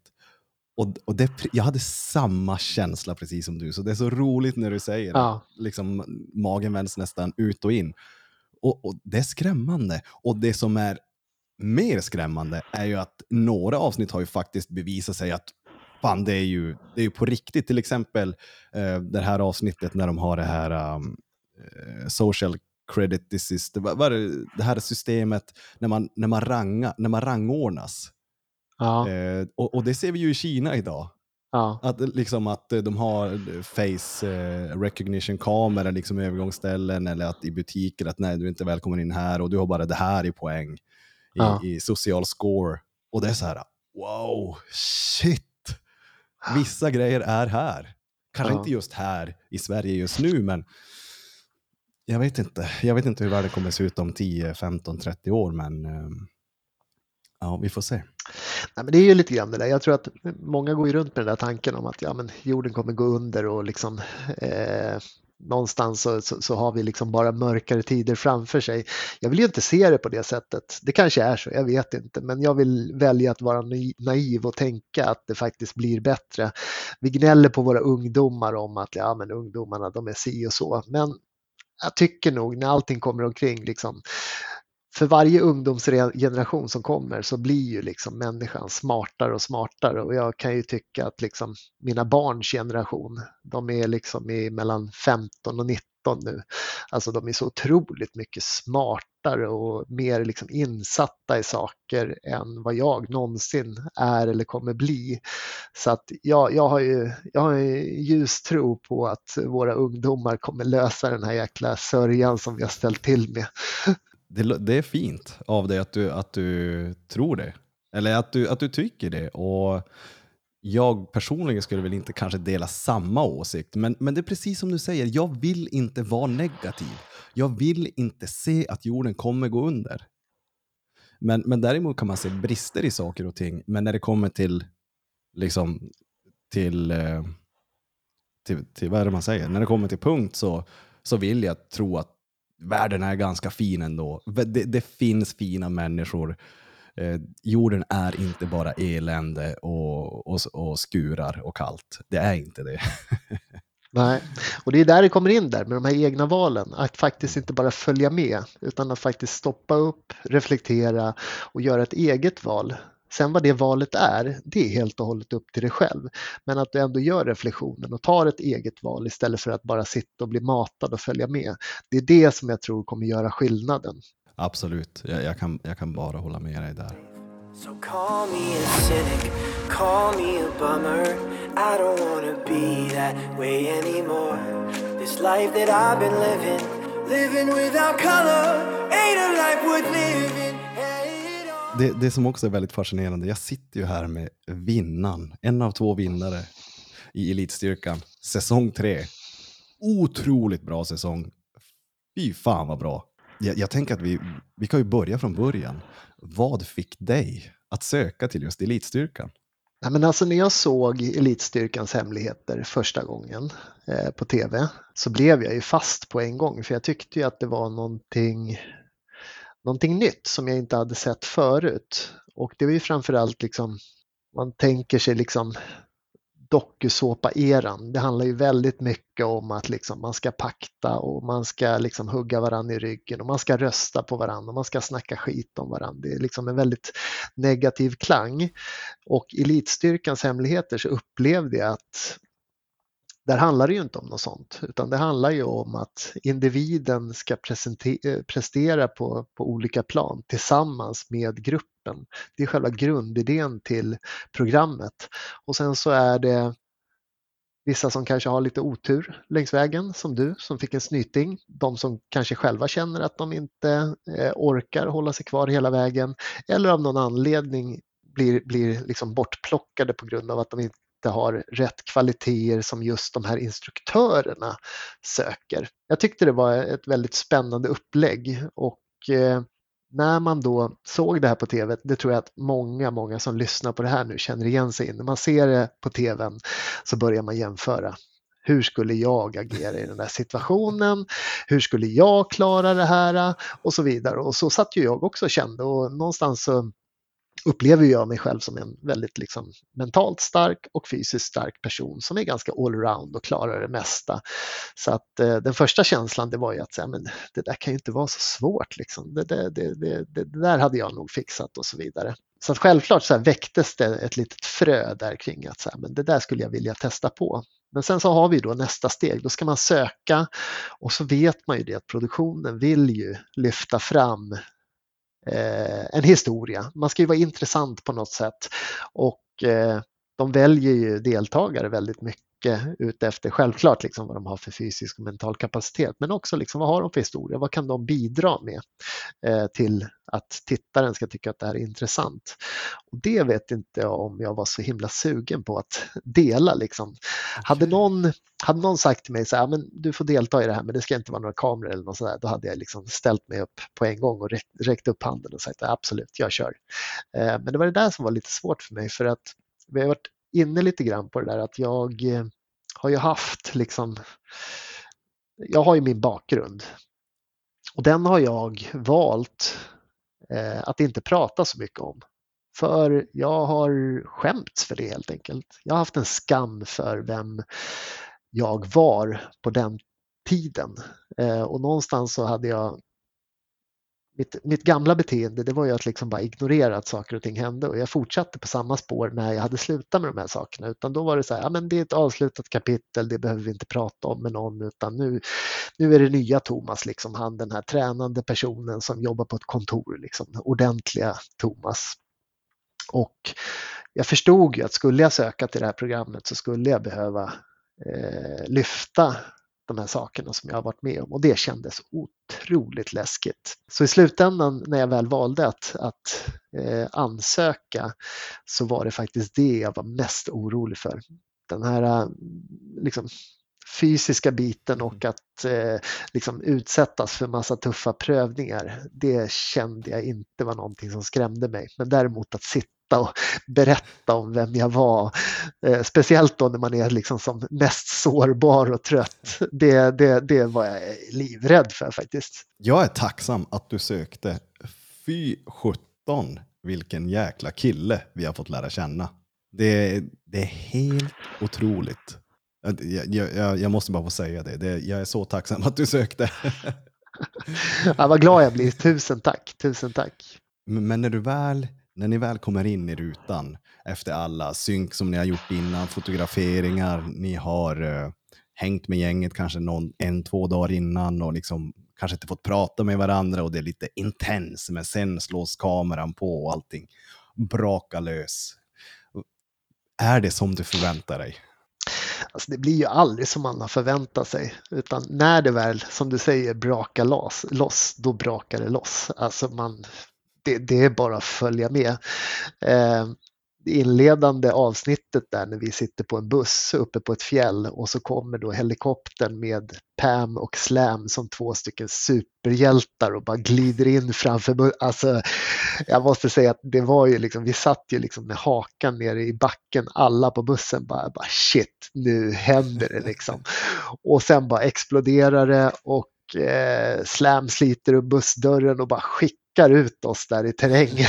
alltså det, det, det, man inte vet, alltså eh, Slam ser förmodligen stor ut på TV men alltså, han är ju en enorm människa. Alltså, han har ju liksom händer som täcker hela ryggen på en själv. Så att eh, ja, äh, det var, det, var, det var en häftig upplevelse och det var en, eh, eh, ett rejält uppvaknande liksom att nu, nu, nu är det dags, liksom. nu är det bara att köra. Och er första uppgift var ju att bestiga det där fjället. Och, och det som direkt när jag såg det där, minns jag på tv, första avsnittet, det är det att de står där, tar emot er och bara bra, nu ska ni tillbaka igen. Och jag ja. bara, oh, snacka om öppning. ja, precis. Men, men och där ska jag ju säga, jag, jag älskade ju det. Jag älskade ju det. Ah, du gjorde det? Ja. Alltså att vara i fjällen och springa i fjällen, det är liksom, det är min grej. Och när vi sprang upp för berget där, eh, jag var fyra upp på berget eh, efter eh, eh, Torsten och så var det Mattias och så var det Sebastian och sen så var det jag. Och så kom jag upp och så bara står Bella där. Man bara tjena, nu är Bella här liksom. Coolt, är inte det här? Och han bara, ja, hur mår du då, nummer 12? Ja, men det är bra, säger jag. Ja, vad bra, då ska du tillbaka samma väg. Och jag minns hur jag bara vände mig om och bara yes, yes. För då fick jag för mig, då tänkte jag så här, nu kommer de be oss springa fram och tillbaka på de här fjällen. Liksom. Och jag kände så här, det här är min grej, det är det här jag ska göra. Jag kan hålla på i liksom ett dygn här kände jag.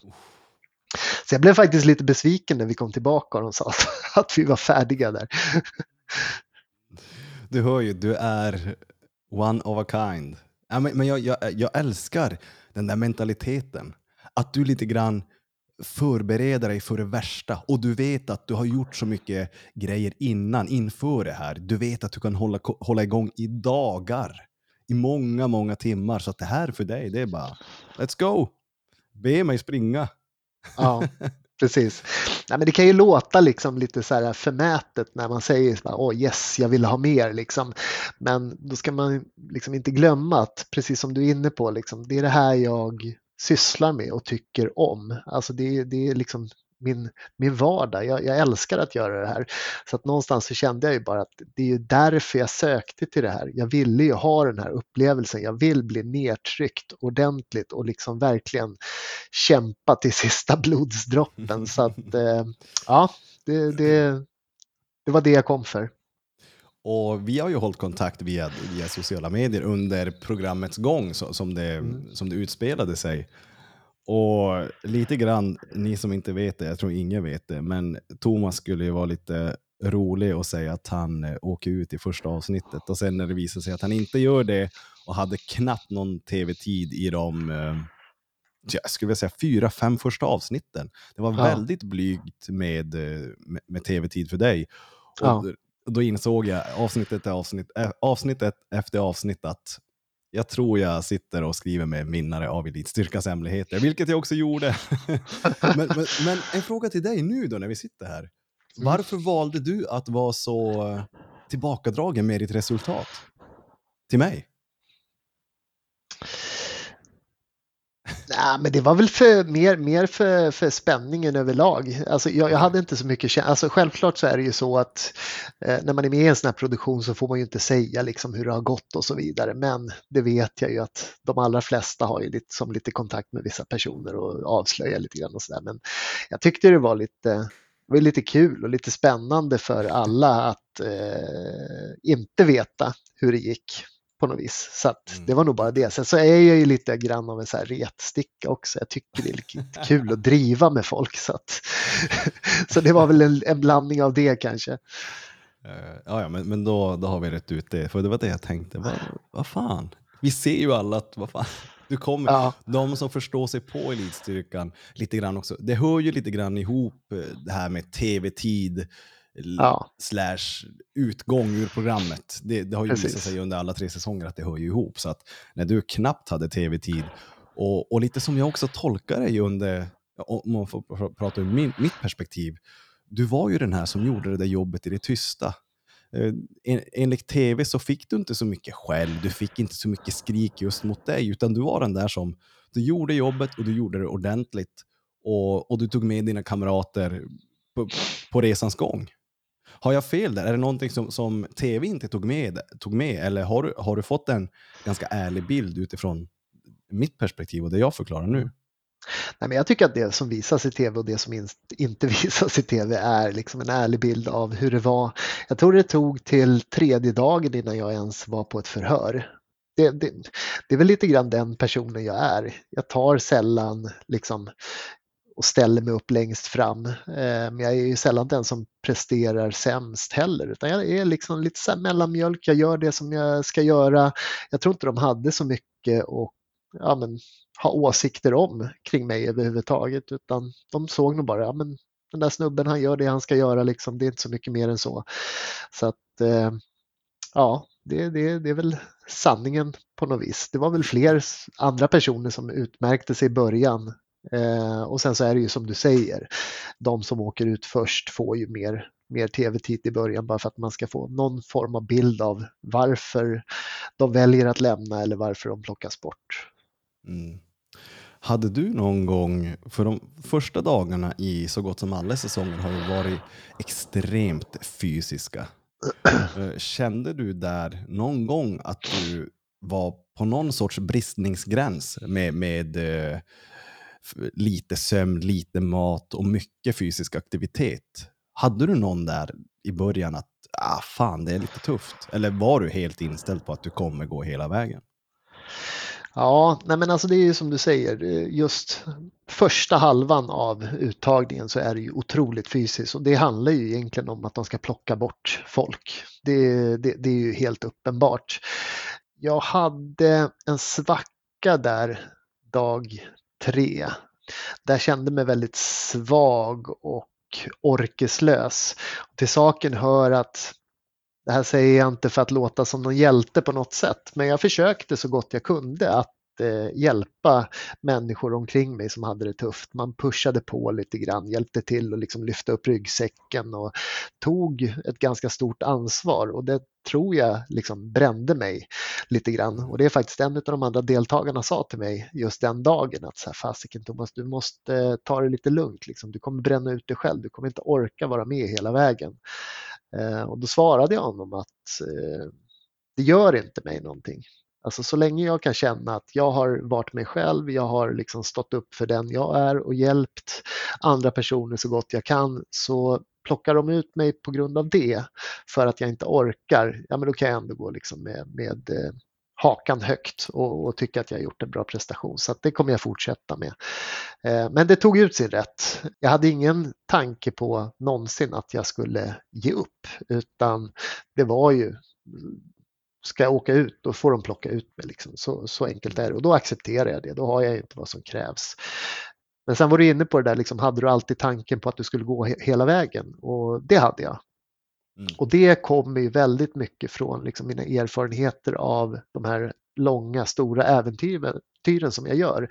Jag går inte in med, i någonting med inställningen att jag inte ska klara av det. För att då har du ju misslyckats redan från start. Så det har jag tidigt lärt mig att ska man göra någonting då ska man göra det ordentligt och man ska ha tanke på att gå hela vägen. Man ska inte nöja sig med att gå halvvägs utan hela vägen ska man. Så jag brukar jobba väldigt mycket med mantran oavsett eh, vad jag ska göra. Om det är liksom man har någon stor uppgift på jobbet, eh, man har någon, något långt lopp som man ska springa eller som det här elitstyrkan. Och inför elitstyrkan så hade jag tre mantran. Det första var att gå hela vägen. Och att gå hela vägen för mig, det innebär ju antingen att jag går till till slut och att jag står där kvar som, som liksom siste man. Eller att jag plockas av någonstans längs vägen för att jag inte håller måttet. Men då har jag ändå gått hela vägen så långt jag kan gå. Så att gå hela vägen var mitt första mantra. Det andra var att jag skulle ta det på allvar. För det är väldigt lätt när man är som svagast, det vet jag också om från mina lopp, att man börjar tvivla, precis som du var inne på, liksom så här, varför gör jag det här? För vem gör jag det här? Vad ska det här vara bra för? Huvudet är väldigt duktig på att hitta sätt att avbryta. Så att om jag tar det på allvar, då finns det ju inget alternativ. Alltså, bor du nere i Ukraina och det är krig runt omkring dig, du har liksom inget alternativ att bara kliva av för att du inte tycker att det är roligt längre. Eh, och detsamma tänkte jag här, nu är det liksom, man ska inte jämföra det på det sättet, men det är det mindsetet jag vill ha. Att det här är på allvar, jag ska inte slå undan saker och ting som trams utan jag ska, ska verkligen liksom se det för vad det är. Och sen så det tredje eh, mantrat och sista är att jag skulle vara mig själv hela tiden. Mm.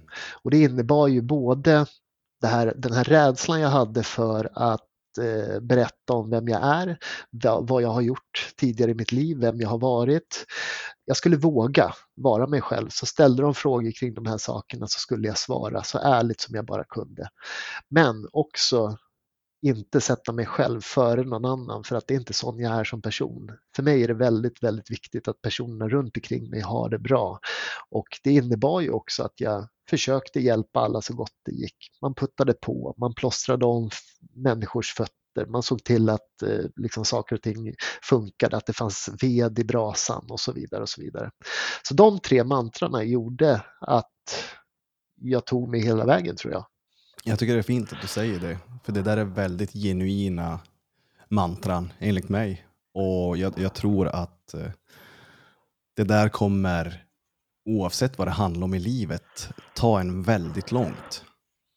Det spelar ingen roll om man gör elitstyrka eller som du brukar nämna, man, man är på jobbet eller olika uppgifter, äventyr i livet. Det, det är väldigt eh, fundamentala och genuina mantran tycker jag. Så att det, det är det här som är så roligt att få prata med, med sådana som dig. Det är liksom, jag lär mig oerhört mycket. Även om vi, vi gillar att göra extrema grejer. Men jag, jag, skulle aldrig säga att jag är mer extrem än någon annan. Utan det finns, jag kan alltid lära något av alla jag pratar med. Ja, verkligen. Och Det är det som är så vackert, så jag blir, jag blir väldigt eh, upplyst nästan att få höra det här. Så att, eh, det, det är väldigt fint. Och jag är helt på ditt spår där. Man lär sig av människor runt omkring sig. Det spelar ingen roll om människor är liksom äldre eller yngre eller har den erfarenheten eller någon annan erfarenhet, utan du kan alltid lära dig någonting av någon. Och det är väldigt mycket det som har liksom drivit mig, speciellt liksom i, i mitt idrottsutövande. Det är glädjen och mötet med människan, precis som jag var inne på där när jag började med kampsporten. Då var det liksom människorna som drog mig dit. Liksom, det var en sån blandning av härliga människor. Det var kärleken till både sporten och till liksom den här klubben och till gemenskapen och samhörigheten som gjorde att man, eh, man bara ville vara där. Jag kan dra ett eh, litet exempel eh, om, vi får, om det är okej okay att gå en liten sväng avsides från elitstyrkan. Eh, jag har ju sprungit väldigt mycket som sagt och det var liksom mitt huvudfokus efter att jag slutade med eh, kampsporten. Men sen så eh, skadade jag min fot, behövde operera den och kunde inte springa. Så då behövde jag hitta ett annat utlopp. Eh, så då började jag cykla och lite andra grejer. Men framförallt så gick jag till simhallen och började simma. Och själva simningen tyckte jag var skittråkig. Det var bara att ligga där och plaska och simma och jag var inte speciellt duktig på att simma heller.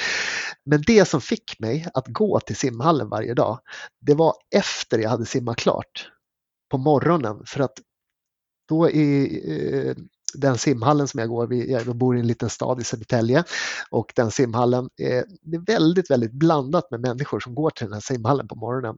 Och det jag älskade att göra efter varje simpass, det var att sitta i bastun och snacka med bastugubbarna. Det var liksom min belöning. Och det är fortfarande det som liksom någonstans, nu, har jag, nu, nu simmar jag jättemycket och eh, tränar väldigt mycket simning och har blivit ganska duktig på det.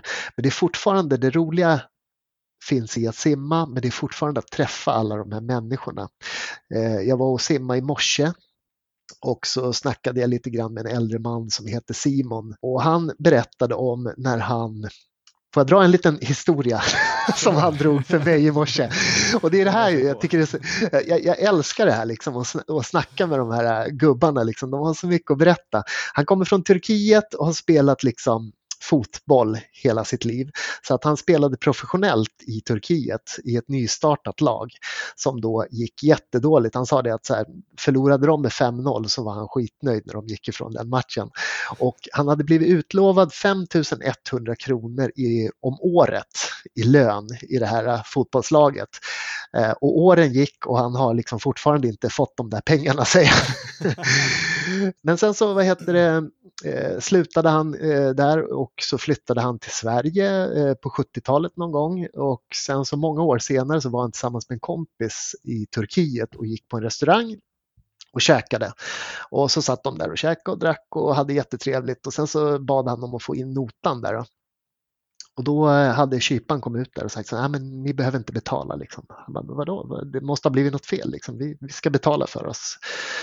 Och han gick, kyparen gick ut där och sen kom han tillbaka och sa, nej, nej, men det är lugnt. Liksom. Ägarna har sagt att ni, ni, ni äter gratis här.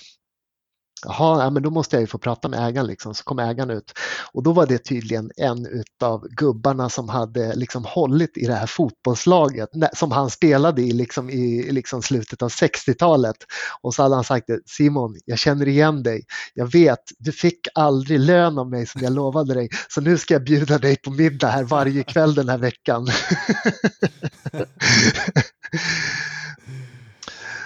Och vad tar man med sig från en sån historia? Jag vet inte. Det är en rolig historia. Det är en härlig gubbe den här Simon. Men också det här kring att gör man saker gott för andra i sitt liv så kanske man inte får belöningen precis där och då när man gör det här.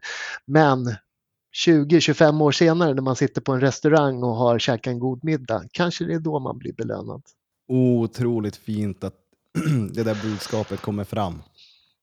Lite grann som jag också läser mycket om stoicismen, det här att gör gärningar utan att förvänta dig någonting tillbaka. Det är din, lite som de säger, att det är din uppgift att vara en bra människa. Och då, och då kan det handla om att göra gärningar utan att, utan att behöva kräva eller förvänta sig någonting tillbaka. Ja. Det är människans naturliga gång. Var den människan. För man vet aldrig när det kommer tillbaka. Och det är där jag tror, liksom, vad ska man säga, så här, framgången till att jag klarar av väldigt mycket saker, det handlar inte så jättemycket om min träning utan det handlar om liksom inställningen till det jag tar mig an. För jag är inte prestationsdriven. Jag är inte driven av siffror, att göra någonting på tid eller att göra någonting snabbt eller placeringar och så vidare. Utan det som driver mig, det är alltid glädjen och vad jag får ut av det hela. Och någonstans har det varit en liksom vinnande faktor för mig att kunna ta mig an och klara av det mesta eh, som jag sätter mig för att göra. Och jag säger inte att det är det som alla bör göra utan självklart, det, det, drivs man av prestation så ska man göra det. Men känner man att det inte riktigt funkar för en, då kanske man ska försöka släppa lite grann på det där och tänka på glädjen, liksom allting runt omkring. Simpasset kanske var skit, men det var jäkligt härligt att sitta med gubbarna i bastun. Det där är no jag som har varit i en äh, prestationsbaserad miljö egentligen hela mitt äh, unga liv fram till jag var 21-22 då när jag, när jag spelade hockey på en på en, jag var ju ung och lovande talang och allting handlade om hur bra jag presterar. Det är ju Ja. någonting jag har fått i, i äldre dagar lära mig att gå ifrån, för jag identifierade mig så mycket med den Pontus och den miljön att så bra du presterar, det är det folk sen kommer tycka och tänka om dig, hur bra du har presterat. Men efter alla de här loppen man gör, bara av att springa tre mil, så, så inser man att eh, fan, livet är inte bara prestation. Och när du Nej. vågar släppa den eh, identifieringen av dig själv och, och liksom våga föda en ny identitet eller en ny sida hos dig och våga släppa den här stoltheten att du an- inte alltid behöver vara bäst. Och, och när, när jag lyckades komma till den punkten så insåg jag att fan, det är ju det här som är livet. Ja, Och, och precis som du också sa, jag säger inte att det här är för alla, att alla borde tycka och tänka som jag. Men för mig så var det liksom ett uppvaknande. Och, Mm. och att komma ifrån hela tiden att behöva prestera, att behöva rädda puck på puck på puck. Till att bara, men ta dig igenom de här tre, fem, tio milen på ditt sätt. Och det är fine. Var fine med det. Mm. Och det, det är en tjusning i sig att komma till det. verkligen. Så, Det blir lite synd att man går ifrån det för att jag tänker som för dig med hockeyn. Man börjar ju med hockey oftast tänker jag för att man tycker att det är roligt. Det är kul, man har lirat landhockey liksom utanför, utanför huset liksom hemma med kompisarna och sen så börjar man spela hockey och allting är superkul. Sen kliver liksom den här prestationen in. Prestationen kommer att behövas om du ska bli någonting någonstans men jag tror vi behöver liksom ta ett litet omtag på hur vi lockar fram den här prestationen.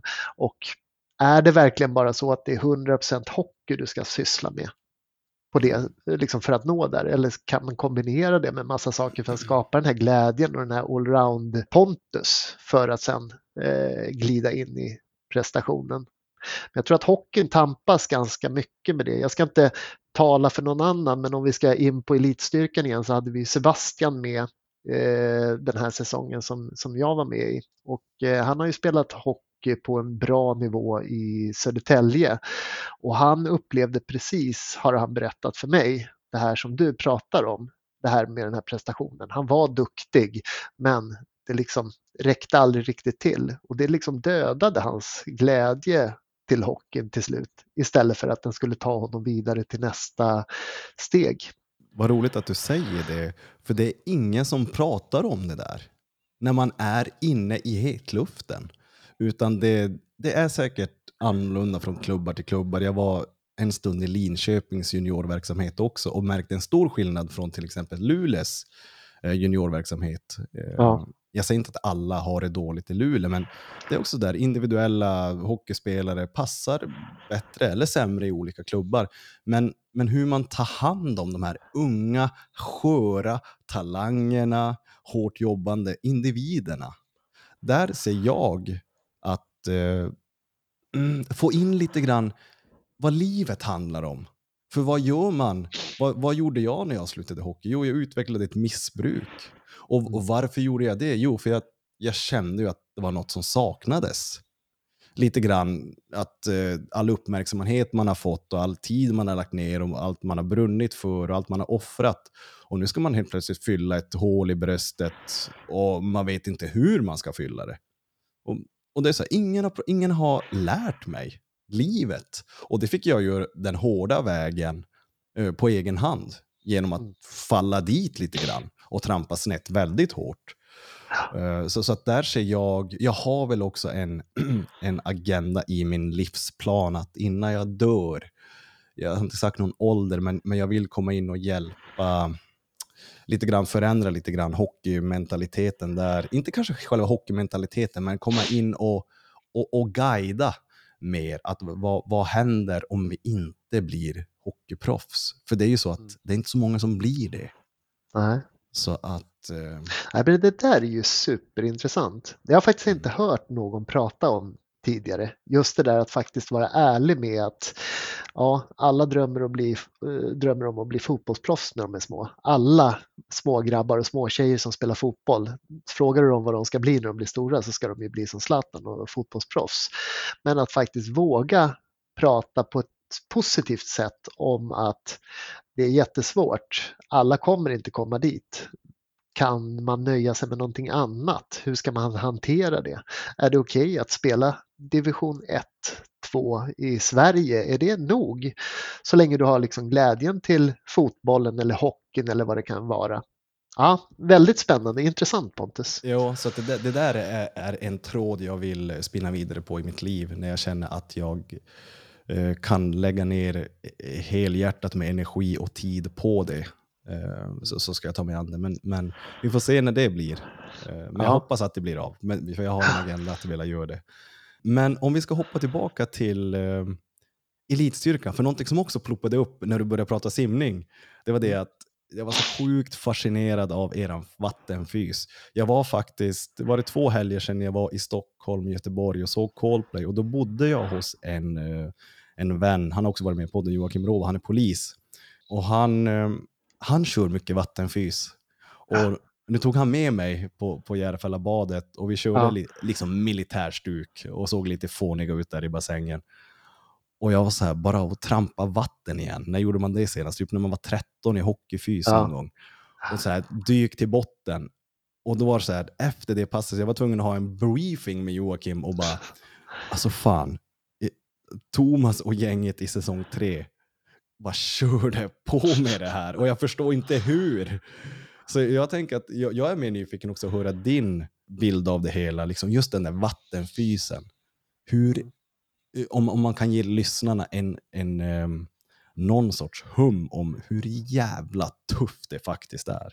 Vattenfys, det, det säger ju Slam där i programmet och han är ju en hård jäkel ska ju sägas. Men han säger ju det att vattenfys det är bland det tuffaste man kan utsätta sig själv för. För att du ska bli så otroligt trött i hela kroppen, du är andfådd samtidigt som du inte får andas på det sättet som du vill. Det är läskigt för många och har du inte vana av vatten, ja då är det ju nästan till omöjligt att utföra. Och även om du har vana av vatten så är det ju liksom obehagligt och jobbigt. Så att det, det är väldigt, väldigt tufft och du bestämmer ju inte själv när du ska andas utan är det fem dyk ner till botten då är det fem dyk ner till botten och sen får du andas efter det helt enkelt. Och så ska du samtidigt då trampa vatten och eh, det som man kanske inte vet det är att det blir extra jobbigt om du ska hålla armarna ovanför huvudet. För att då har du ingenting som håller dig flytande utan då är det bara benens trampningar som gör att du håller dig ovanför ytan. Så att det är eh, extremt tufft. Och med det sagt eh, så hade jag väldigt lätt för det. Jag har alltid trivts i vatten. Eh, jag har aldrig simtränat eller något sånt där när jag var liten men jag har spenderat väldigt mycket tid i vattnet och framförallt under vatten har jag känt mig väldigt bekväm. Jag tycker om att vara under vatten. Jag tycker om känslan att vara omsluten av vatten och att eh, liksom hålla andan. Det känns som att man går in liksom i lite av en egen bubbla där man är alldeles själv, vilket jag har trivts väldigt bra med. Jag ska inte göra någon psykoanalys kring varför jag tycker det är trevligt om liksom så här äh, bebisen i mammas mage eller något sånt där, men äh, jag, jag har alltid trivts med det. Eh, sen så i och med min operation så, så, började jag ju simma och jag började simma allt mer och så började jag simma med en grupp och blev eh, snabbt ganska duktig på att simma. Eh, så att vatten är ingenting som, som jag tycker är läskigt. Och med handen på hjärtat så tyckte jag att Självklart, vattenfysen var jobbig men jag tyckte den var rolig samtidigt. Eh, jag tror att vi höll på i 45-50 minuter eller något liknande.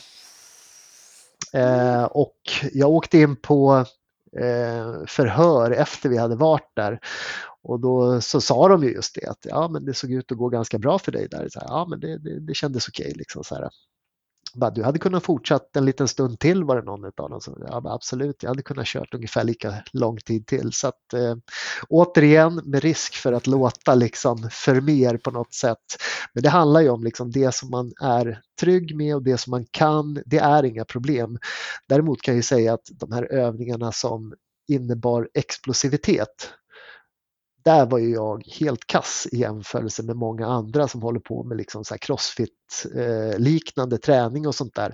Där de är vana att liksom eh, lyfta grejer explosivt, springa, göra burpees, eh, you name it, alla de här upphoppen och så vidare det är ingenting som jag tränar på. Jag är ju långdistansare. Det innebär ju att man ska hushålla med energi. Man ska inte vara explosiv. Man ska inte bränna all energi på en gång utan man ska spara så, väl, så mycket som, som möjligt. Eh, vilket innebär att de momenten tyckte jag var väldigt, väldigt mycket jobbigare medan andra personer som inte har en vattenvana och en trygghet i vattnet tyckte att det var väldigt, väldigt hemskt. Och där har jag en lite rolig historia. Eh, Salim och Sami som var med i, i, i, elitstyrkans hemligheter samma år som mig här nu, de har ju inte vattenvana. De hade ju väldigt, väldigt stora problem i alla eh, vattenmoment. Så att eh, nu efter programmet var slut, då tog jag faktiskt med dem. Jag sa det, fan men nu ska, vi ska göra någonting åt det här. Liksom. Ni ska få lära er att känna er lite mer trygga i vattnet. Så att då tog jag med dem till min simhall här i Södertälje och så eh, bad jag min eh, otroligt trevliga eh, simtränare Alex att eh, följa med och hjälpa till. Och vi började på land, de fick ligga på varsin matta på rygg och så gjorde vi olika andningsövningar för att öva upp liksom andningsreflexerna, träna kroppen på att våga hålla andan och att det faktiskt inte är farligt. Och så fick vi göra massa sådana här olika övningar. Och då finns det övningar som man kan göra när man håller andan där man flyttar eh, luften i kroppen vilket gör att du kan krama ut mer syre ur luften. För vanligtvis när du håller andan så håller du andan och så har du all eh, luft i bröstet. Men börjar du jobba med att trycka ner luften från bröstet ner i magen och sen från magen upp i bröstet och låta liksom luften röra sig på det sättet i kroppen, då kramar du ur ännu mer syre ur eh, luften vilket gör att du kan hålla andan längre. Så det fick de träna på liksom på land där det är safe. Så fort de vill så kan de ju släppa ut och andas. Och sen förflyttade vi oss till vattnet och de gick ju från att Salim, han hade ju svårt att ens ha huvudet under vattenytan. Han tyckte det var jätteobehagligt. Vi gick alltså från det på två timmar till att han kunde blåsa ut luft, lägga sig som ett ägg nere på botten och ligga där och tycka att det är bekvämt utan att få panik. Så där ser man hur väldigt, väldigt lite träning och någon som verkligen kan det här, som vägleder en, kan få en att känna sig trygg i vilken situation som helst egentligen. Häftigt. Och, och nu blev jag nyfiken på just den här uh, tekniken. Kan du förklara kort hur, hur det funkar att förflytta luften mellan lungor och mage? Ja, nej men lite som jag sa där, du vet, när man drar in ett djupt andetag, då fyller man ju bröstet, eller hur? Då har du hela bröstet fullt. Och så kan man hålla andan där en stund. Och när man känner att nu börjar det liksom ta slut, nu vill jag gärna ta ett andetag, då vill man ju oftast blåsa ut. För att eh, när du håller andan så bildas det en massa koldioxid i, eh, i, i den här luften som du har dragit in. Och det är den här paniken gör ju att du vill trycka ut den här koldioxiden och få in nytt syre. Men istället då, när du känner den här känslan så trycker du ner, ungefär som när du gör liksom en sit-ups, så trycker du ner den så långt ner i magen du kan. Och det här är mycket lättare när man ligger på rygg. Och sen så håller man andan där för att då känner man av att den här, eh, liksom, den här koldioxiden och den här känslan av att man vill blåsa ut luften, den försvinner lite grann. Men den kommer att komma tillbaka när du har luften i magen. Och när du då får den känslan, då drar du upp den i bröstet igen. Och då får du ytterligare liksom en chans. Och då kan man hålla på några gånger tills man känner att ja, men nu finns det verkligen inget syre kvar alls här. Och eh, eh, då, då tar man andetaget. Och Salim och Sami som testade det här på land, först fick de testa liksom genom sin egen teknik. Ta ett djupt andetag, hålla andan så länge ni kan. De kunde hålla andan liksom en knapp minut tror jag.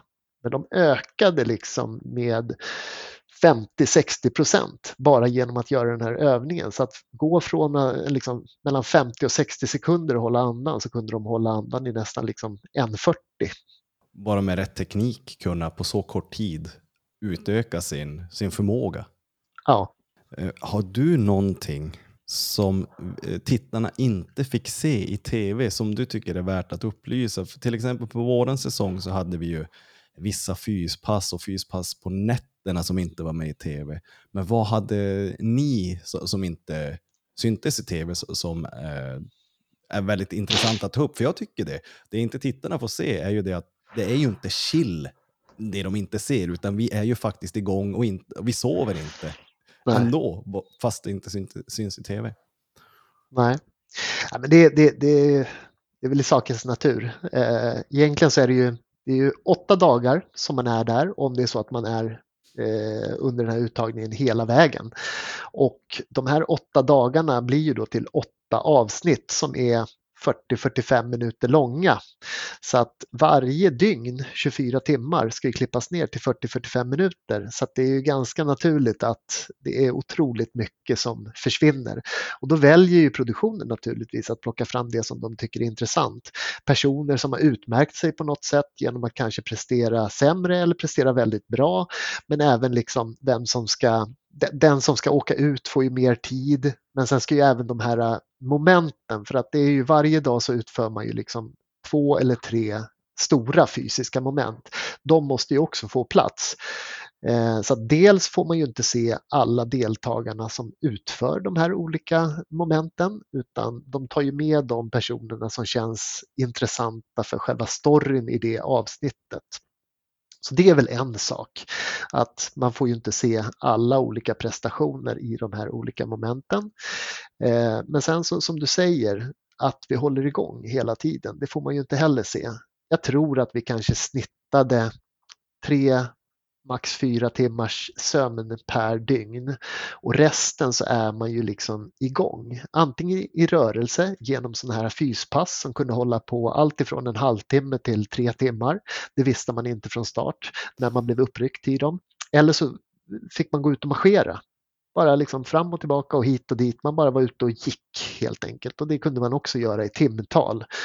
Eh, för att trötta ut oss. Eh, men sen så är det alla de här andra sakerna som man inte tänker på. Man ska synka, man ska gå på förhör, man ska städa logementet, man ska torka sina kläder, man ska hålla en eld brinnande ja, ju, man ska byta batterier i sin, liksom, eh, i sin eh, ljudutrustning. Allt sånt här tar ju en massa tid så att egentligen så är man ju verkligen igång liksom dygnet runt förutom de här tre fyra timmarna som man får sova. Och det är väldigt sällan som man får sova de tre fyra timmarna i ett bräde utan de är ju liksom lite utspridda. Eh, så det får man ju inte se. Och sen är det ju ganska intressant att jag tror att ni också hade det på det sättet att inför sån varje stor övning så fick man göra ett fyspass som kanske höll på i liksom en halvtimme, 45 minuter. Bara för att man skulle vara så jävla trött som möjligt när man väl skulle ge sig på den här övningen. Känner du igen det Pontus? Ja, faktiskt. Och, och en till som jag kan tillägga. Eh, man visste att eh, på den tiden då i september, oktober, då var det ganska kallt vatten på Gotland. Och Ja. när de kommer in och säger våt uniform. Då vet man, all right, vi ska frysa. precis, precis. Ja, Nej, men så det är otroligt mycket som inte kommer med så att det är väldigt lätt att tycka så här, gud vad svag han var som inte kunde liksom dra sig upp för det där repet. Det ska väl inte vara så himla svårt. Men personen har knappt sovit. Han har varit i rörelse i två dygn innan. Eh, han har haft ett fyspass precis innan. Han har inte ätit någon mat. Ja, dra sig upp för ett rep. Det gör ju liksom exempelvis Torsten och Mattias och de här som gjorde otroliga prestationer. Alltså deras prestationer är ju Ja, det, det är makalöst bra att under de förutsättningarna kunna prestera på det sättet som de gör. Det, det är alltså helt ofattbart. Vi, jag stod ju med liksom hakan i backen varje gång de utförde sina saker, alltså, för att de är helt fenomenala. Men så att de två sakerna kommer inte med. Men en tredje sak som jag har reflekterat över som inte kom med, som jag tror skulle kunna vara av intresse för, för tittaren. Det beror ju på lite grann vem man är. Jag tror att många ser ju elitstyrkan som att det är hårt och det är tufft och det är fysiskt och så vidare. Medan har man varit med själv då vet man att den mentala biten är så otroligt angelägen hela tiden. Både kring sina egna tvivel men de vill ju skapa de här tvivlen hos oss. Eh, Sådana här saker som exempelvis, alla minns säkert den här gubben som vi skulle lyfta upp på en strand. Natten innan vi skulle göra den övningen, då väckte de oss och så fick vi göra ett IQ-test. Vi fick en sån här bibba, en tjock bibba med papper med såna här, du vet, helt meningslösa såna här figurer som man ska hitta mönster och så vidare. Alla har säkert gjort ett sånt där IQ-test. Och det tog ju säkert en timme att liksom bara göra liksom hela den här övningen. Och därefter så skickas vi ut i skogen. Vi placeras på olika ställen i skogen för att vi inte ska kunna prata med varandra. Vi får inte röra på oss. Det duggregnar och är lite så här halvkallt och obehagligt. Och sen sitter vi bara där och väntar. Och så plockar de en och en av oss. Vi vet ju inte vad man ska, den där ovissheten, vi vet inte vad, vad, vad har de på gång nu. Och sen när det väl blev min tur så eh, var det Bella tror jag som, som tog mig igenom skogen och så kom vi ut på den här stranden och när vi kom ut på stranden så säger han så här, ja nummer 12, eh, det här IQ-testet det gick ju inte så bra. Nej, säger jag. Nej, vi trodde ju du var en smart kille liksom. Vi hade ju väldigt mycket högre förväntningar på dig.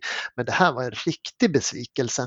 Och efter att han har sagt det här, då ställer de mig liksom framför den här gubben som ligger på, på marken och Slam säger nu ska jag visa en gång hur man gör och sen ska du göra som jag. Och så bara tjoff tjoff så gjorde ju han den där övningen. Och där står jag, har precis blivit liksom dissad för att jag är så otroligt korkad i det här IQ-testet.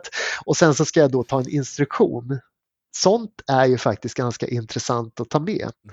Och efter att alla hade lyft den här gubben eller försökt lyft gubben så samlades vi liksom efteråt och så hade de en liten så här, ett litet tal som de alltid har efter de här sakerna. Och då sa de så här, och förresten, det här IQ-testet som ni gjorde i natt, vi har inte ens tittat på resultaten utan vi kastade dem i soporna på en gång.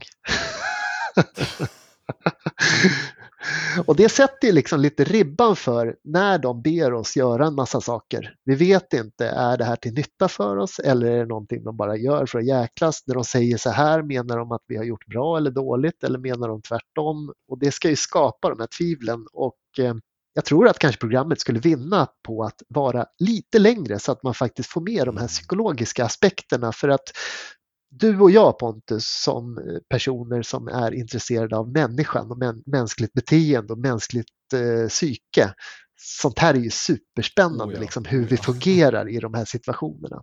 Och det där var ju bara en sån situation där de gör en sån där sak, bara vrida till skallen på en för att se hur presterar personen under de här förutsättningarna. Och ni hade ju ett sånt som faktiskt syntes i tv, lite liknande. Där när ni har fyrstationer och hemliga kameror uppe i träden. Ja. Och sen så Ja. bara springer de iväg och så ska de se hur ni, hur ni agerar på det. Ja, Och precis. det var fruktansvärt intressant och roligt att se. Ja. Och vad, var det, vad heter han som de straffade? Var det Sebastian? Se- Det var, det var Sebastian, ja. Ja, och, och det, vad missade han med? Fem, fem reps eller någonting? Ja, och det är sådär, precis. Man kan förstå Sebastian och man, man förstår även instruktörerna. ja. Det, för det är så här att jag kan inte säga att jag vet att Sebastian fuskade. Eftersom att jag vet hur utmattad man är. Man är Ja. tom. Det, allt, det liksom, det finns inte så mycket kvar. Och, och sen har vi instruktörerna som har den approachen att fan du fuskar ju. Så det Ja. var sjukt intressant just den delen. Ja, ja. Nej, men det är ju liksom det, det ska ju liksom ta fram karaktärerna på de olika personerna helt enkelt. Eh, det var ett otroligt krävande eh, fyspass liksom. Vi skulle springa långt och vi skulle göra alla de här övningarna och där var ju verkligen ett sånt moment som inte passade mig för att det är sånt där explosivt. Däremot så hade vi ju Sebastian och Mattias och de här som kör crossfit och är liksom väldigt, väldigt starka. De gjorde ju det här väldigt bra. Men det är ju väldigt intressant och precis som du säger, jag kan inte heller säga om Sebastian fuskade eller inte.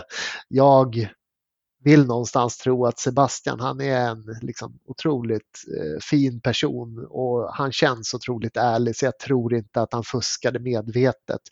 Men jag kan ju inte säga att, att det är på det sättet eller inte för att vissa av de här stationerna, där stod de ju och tittade på oss. Sen var det ett fåtal stationer där de inte tittade och då är ju frågan, då vill de ju se, är det någon som tar tillfället i akt när vi inte står och tittar eller eh, kör man på?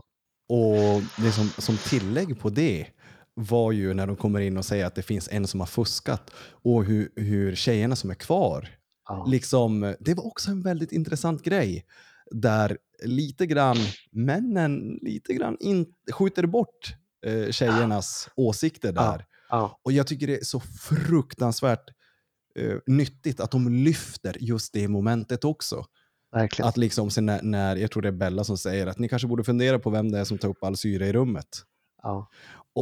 Just det, ah, fy fan, jag, jag blir helt fåordig när jag tänker på det, för det är så nyttigt att få se Ja. hur en gruppdynamik, eh, liksom, hur, det kan vara när, när, man, när man ställs inför sådana här eh, moment i en grupp. Nej, jag, tycker, jag tycker det, där, det, det var en super, superbra grej. Och att Mm. de plockade upp det precis som du, som du säger för att det blev ju ganska uppenbart att tjejerna hade ju liksom, de var ju någonting på spåren. Medan Mm. snubbarna var så otroligt eh, fokuserade på att föra fram sin åsikt och sin besvikelse över att nu skulle vi bli straffade och så vidare. Vilket man också kan förstå. Jag, jag har tyckt att det har varit lite intressant också att följa det här vid sidan om eh, när de här eh, avsnitten sänds. Hur människor agerar utifrån avsnitten, alltså de som har varit med i säsongen. Det har ju varit väldigt spridda skurar kring hur man har hanterat när både positiva och negativa saker visas liksom på tv och hur man då kanske tycker att man har vinklat saker eller att, att man har blivit orättvist behandlad på något sätt och så vidare. Det har varit väldigt spännande. Jag lägger ingen värdering i liksom någons sätt att hantera det men det, det, har, varit, det har varit kul och intressant för en person som älskar mänskligt beteende att faktiskt se eh, och, och vara lite, liksom, ha lite insight samtidigt. Mm, ja, jag förstår det. Jag, jag, jag tänker exakt, eh, tänkte exakt likadant då när det var våran tur. Men, men något som jag också tänker på när, eh, när du och Torsten står där. För det var ju också en grej jag tänkte att eh, när kommer tortyrmomentet? När Ja. kommer tortyren? Jag, jag kan tänka mig, det lilla jag känner dig, att du var 100% förberedd på att det kommer bli det momentet. Ja, Och så kommer det inte. nej. Hur tänkte du där?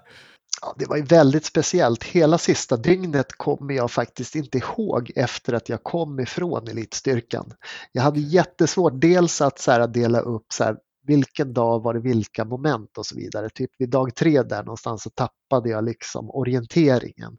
Och jättekonstigt, just sista dagen, den bara försvann för mig. Eh, och det var ju för att den var så otroligt fysiskt krävande. Vi var vakna egentligen 24 timmar. De väckte oss på morgonen innan och sen så var vi liksom vakna och upp, eh, sysselsatta med, eh, med aktiviteter hela liksom dygnet egentligen. Och det var ju hela tiden den här ovetskapen om vad som skulle hända samtidigt som att man hade ju en tanke som du är inne på att så här brukar det ju sluta. Man har ju sett programmen liksom. Det kommer när som helst.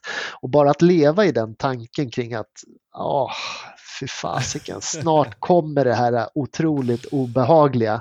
Jag vet inte vad som är obehagligast, att faktiskt utsättas för det eller att gå runt med tron om att det här eh, ska komma. Och det har jag hört väldigt mycket från både människor som har sett programmet och människor som faktiskt har varit med i tidigare säsonger just gällande det här med tortyrmomentet.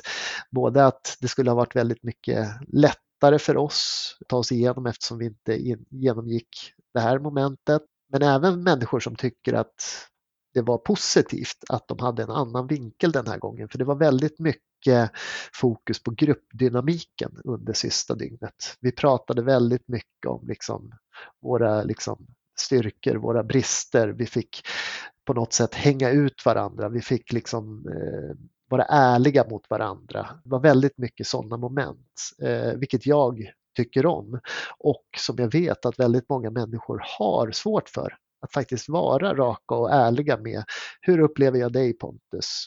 Vad gör du bra? Vad gör du sämre? Vad skulle du kunna utveckla? kolla bara på liksom våra arbetsplatser, hur dåliga vi faktiskt är på feedbackkultur, där vi faktiskt kan hjälpa och vägleda varandra, så väljer vi liksom den lätta vägen egentligen, där vi inte berättar när Pontus har gjort liksom någonting som inte riktigt gynnar vare sig honom eller företaget, utan vi väljer att liksom bortse från det. Vad vill jag ha sagt med det? Ja, sista dygnet var ju, var ju knepigt och jag tyckte det var väldigt, det var väldigt kul att se det i efterhand. Liksom var det ja just fasiken, det där gjorde vi och så gjorde vi det där. I programmet så ser man ju då när bara jag och eh, Torsten är kvar där på slutet efter att Ida har åkt ut eftersom hon inte klarade av att dra sig upp för det här repet. Jag är ju övertygad om att eh, jag är övertygad om att hon också hade tagit sig hela vägen om hon hade dragit sig upp för det repet. Men hon var tyvärr liksom alldeles för trött vid det laget och fick inte till tekniken på det. Men då är det ju bara jag och Torsten kvar och vi sitter i logementet som de har plockat ut. Det liksom, finns ju ingenting där, det är svinkallt och vi bara sitter och väntar. Och då kommer ju eh, Slam in, tror jag, någon av instruktörerna och så eh, ropar han fram mig och så rycker han av mig armbinden och sätter liksom en huva över huvudet på mig. Och då tänkte jag, okej, okay, där var det kört. Där åkte jag ut. Och sen så gick han i loopar med mig, alltså jag vet inte hur länge. Runt, runt, in, ut på olika ställen och jag bara okej, okay, nu är det dags för tortyrmomentet. Nu, då var jag ju övertygad om att liksom, nu kommer det. Och sen så blir jag då ställd någonstans bara, man vet ju inte vart man är. Liksom. Här, här ska du stå. Och så står jag där en stund och då visar det sig att de har gjort exakt samma sak med Torsten. De har ju ryckt hans bindel också och gått runt med honom och sen så slutar det med att vi står båda två där på UP.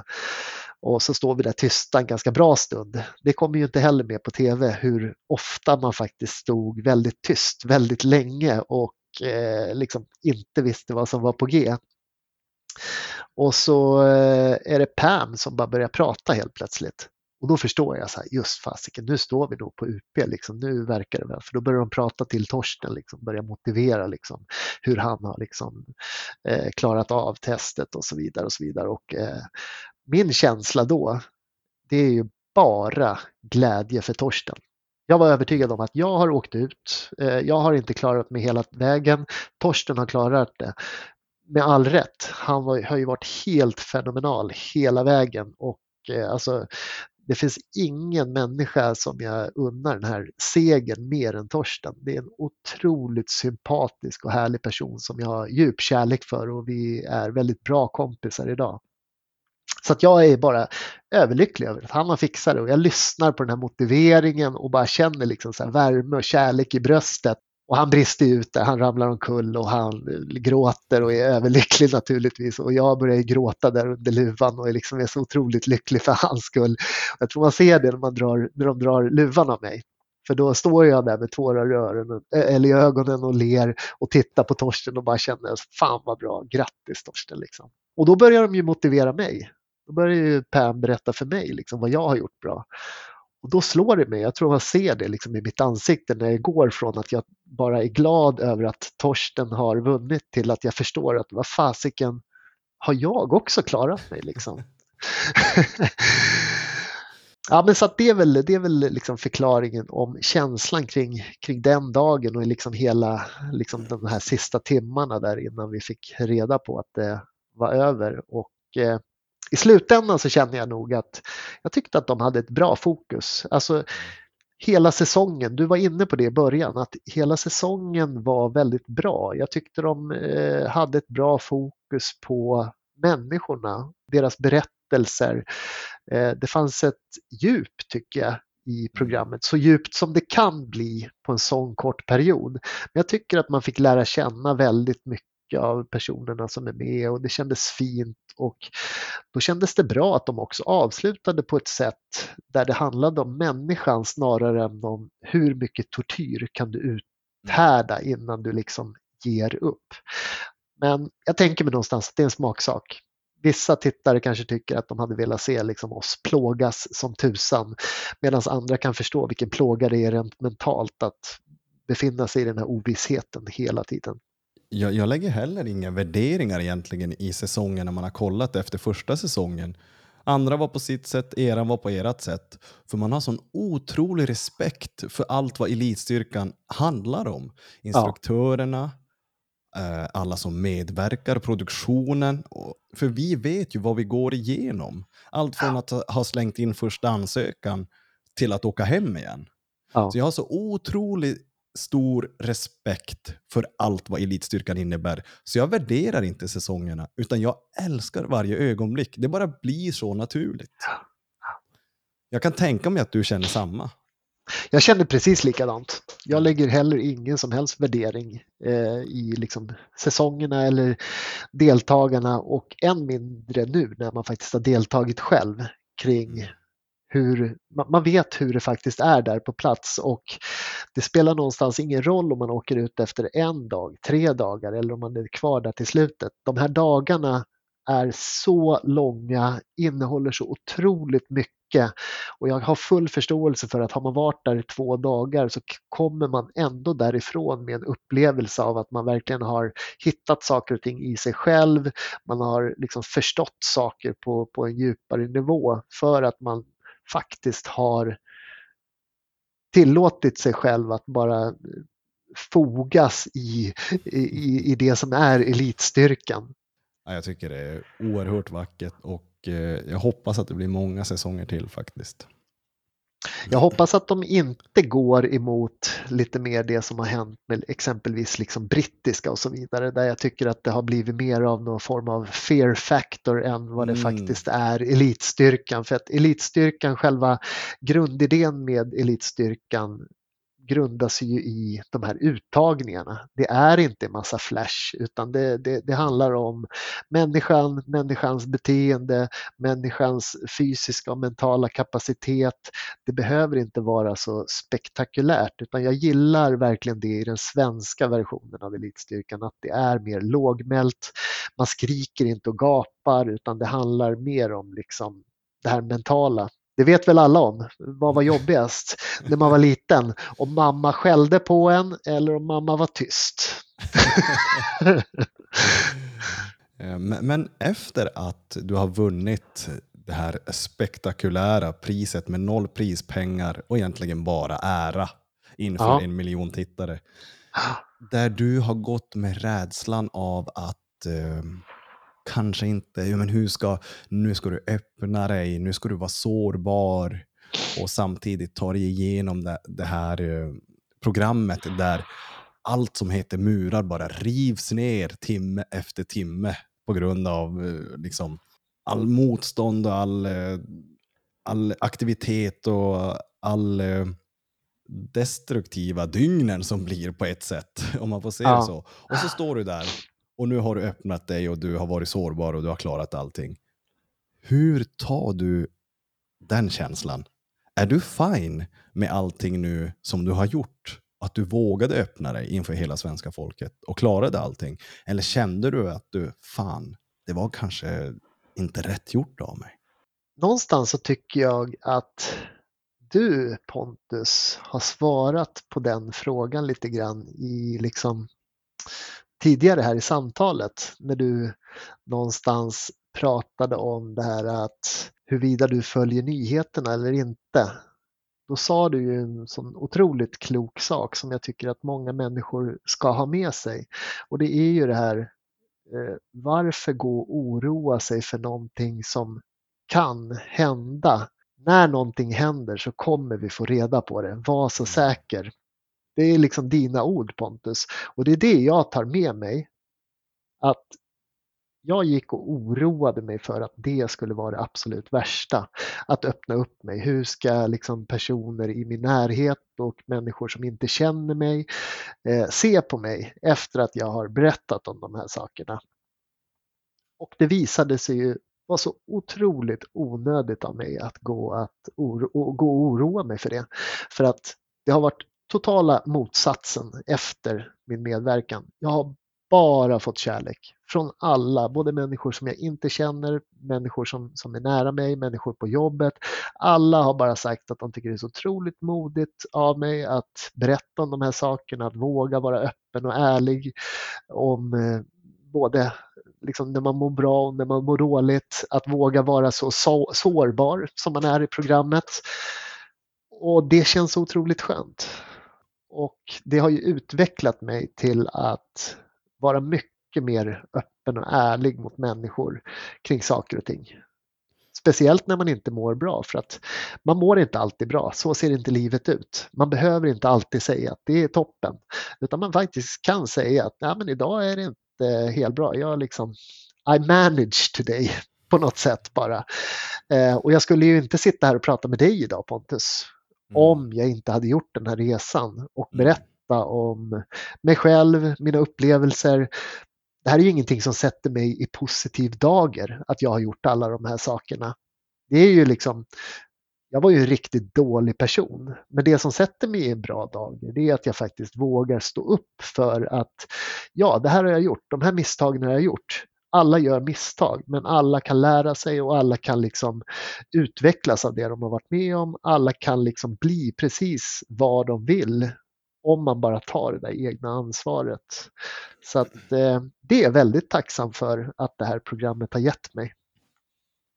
Intressant att du säger det. För någonting som jag också reflekterade över när man valde att gå ut med sin bakgrund eller historia och misstag man har gjort, det var det att om jag kan vara ärlig och känna att jag inte har något att dölja, det är så här. Vem kan komma åt mig? Ja. Jag är helt öppen och ärlig. Ni får säga vad ni vill. Här är sanningen.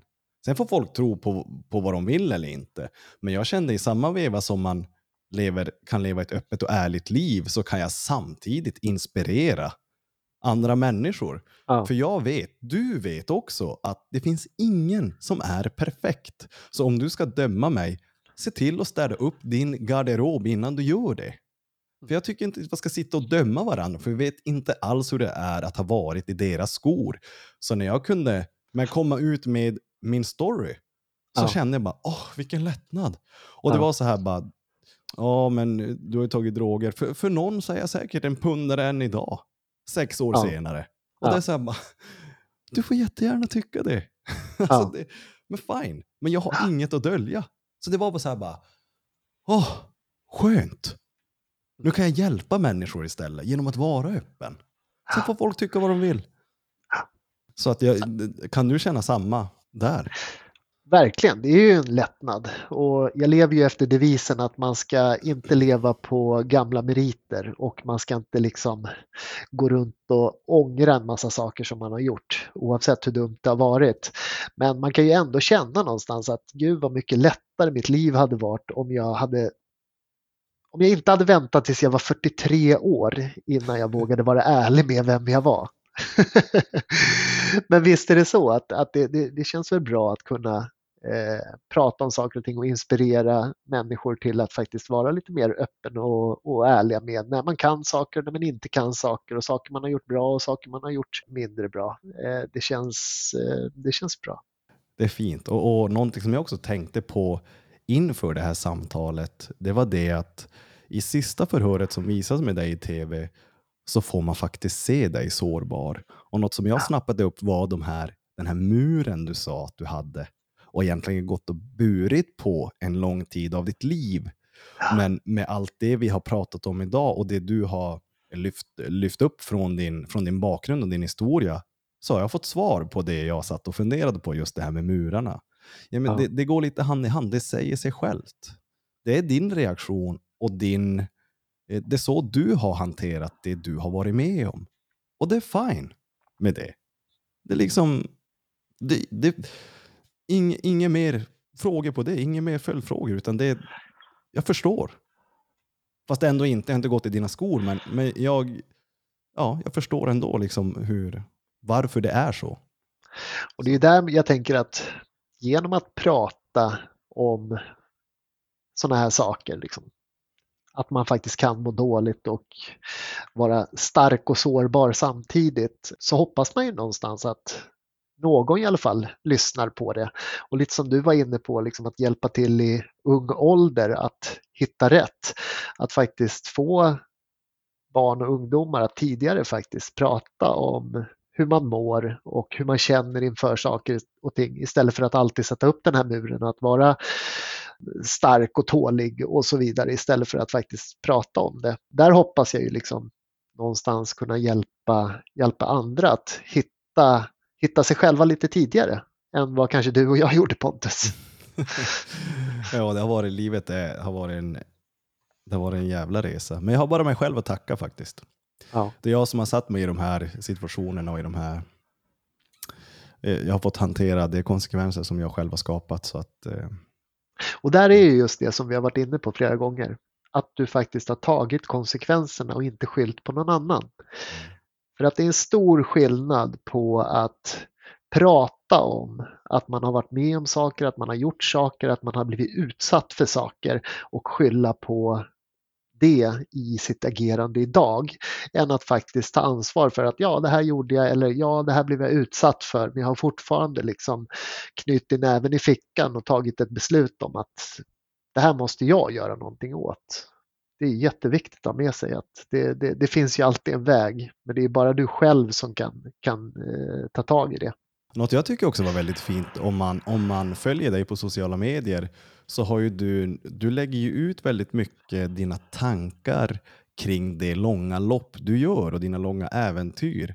Vilket jag tycker är att fy fan vad bra. Det är det här folk bör läsa. Och, nå- och något som jag snappade upp det, det var eh, bland de senare inläggen du skrev att du gör inte det här för att eh, någon ska komma och hålla om dig på mållinjen. Utan du, du, du väger ju in familjelivet med dessa äventyr. Att många äventyr gör du själv. Ja. Och oftast på natten. Så att du kan vara med familjen på dagen.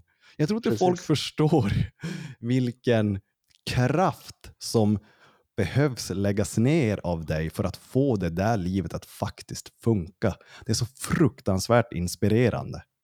Men, men, men just det här att du lägger ut dina, dina tankar och åsikter eh, när alla murar är nere. För de, de ramlar ner fort på långa lopp. Ja, verkligen. Och vi står där helt nakna. Vad händer då? Ja.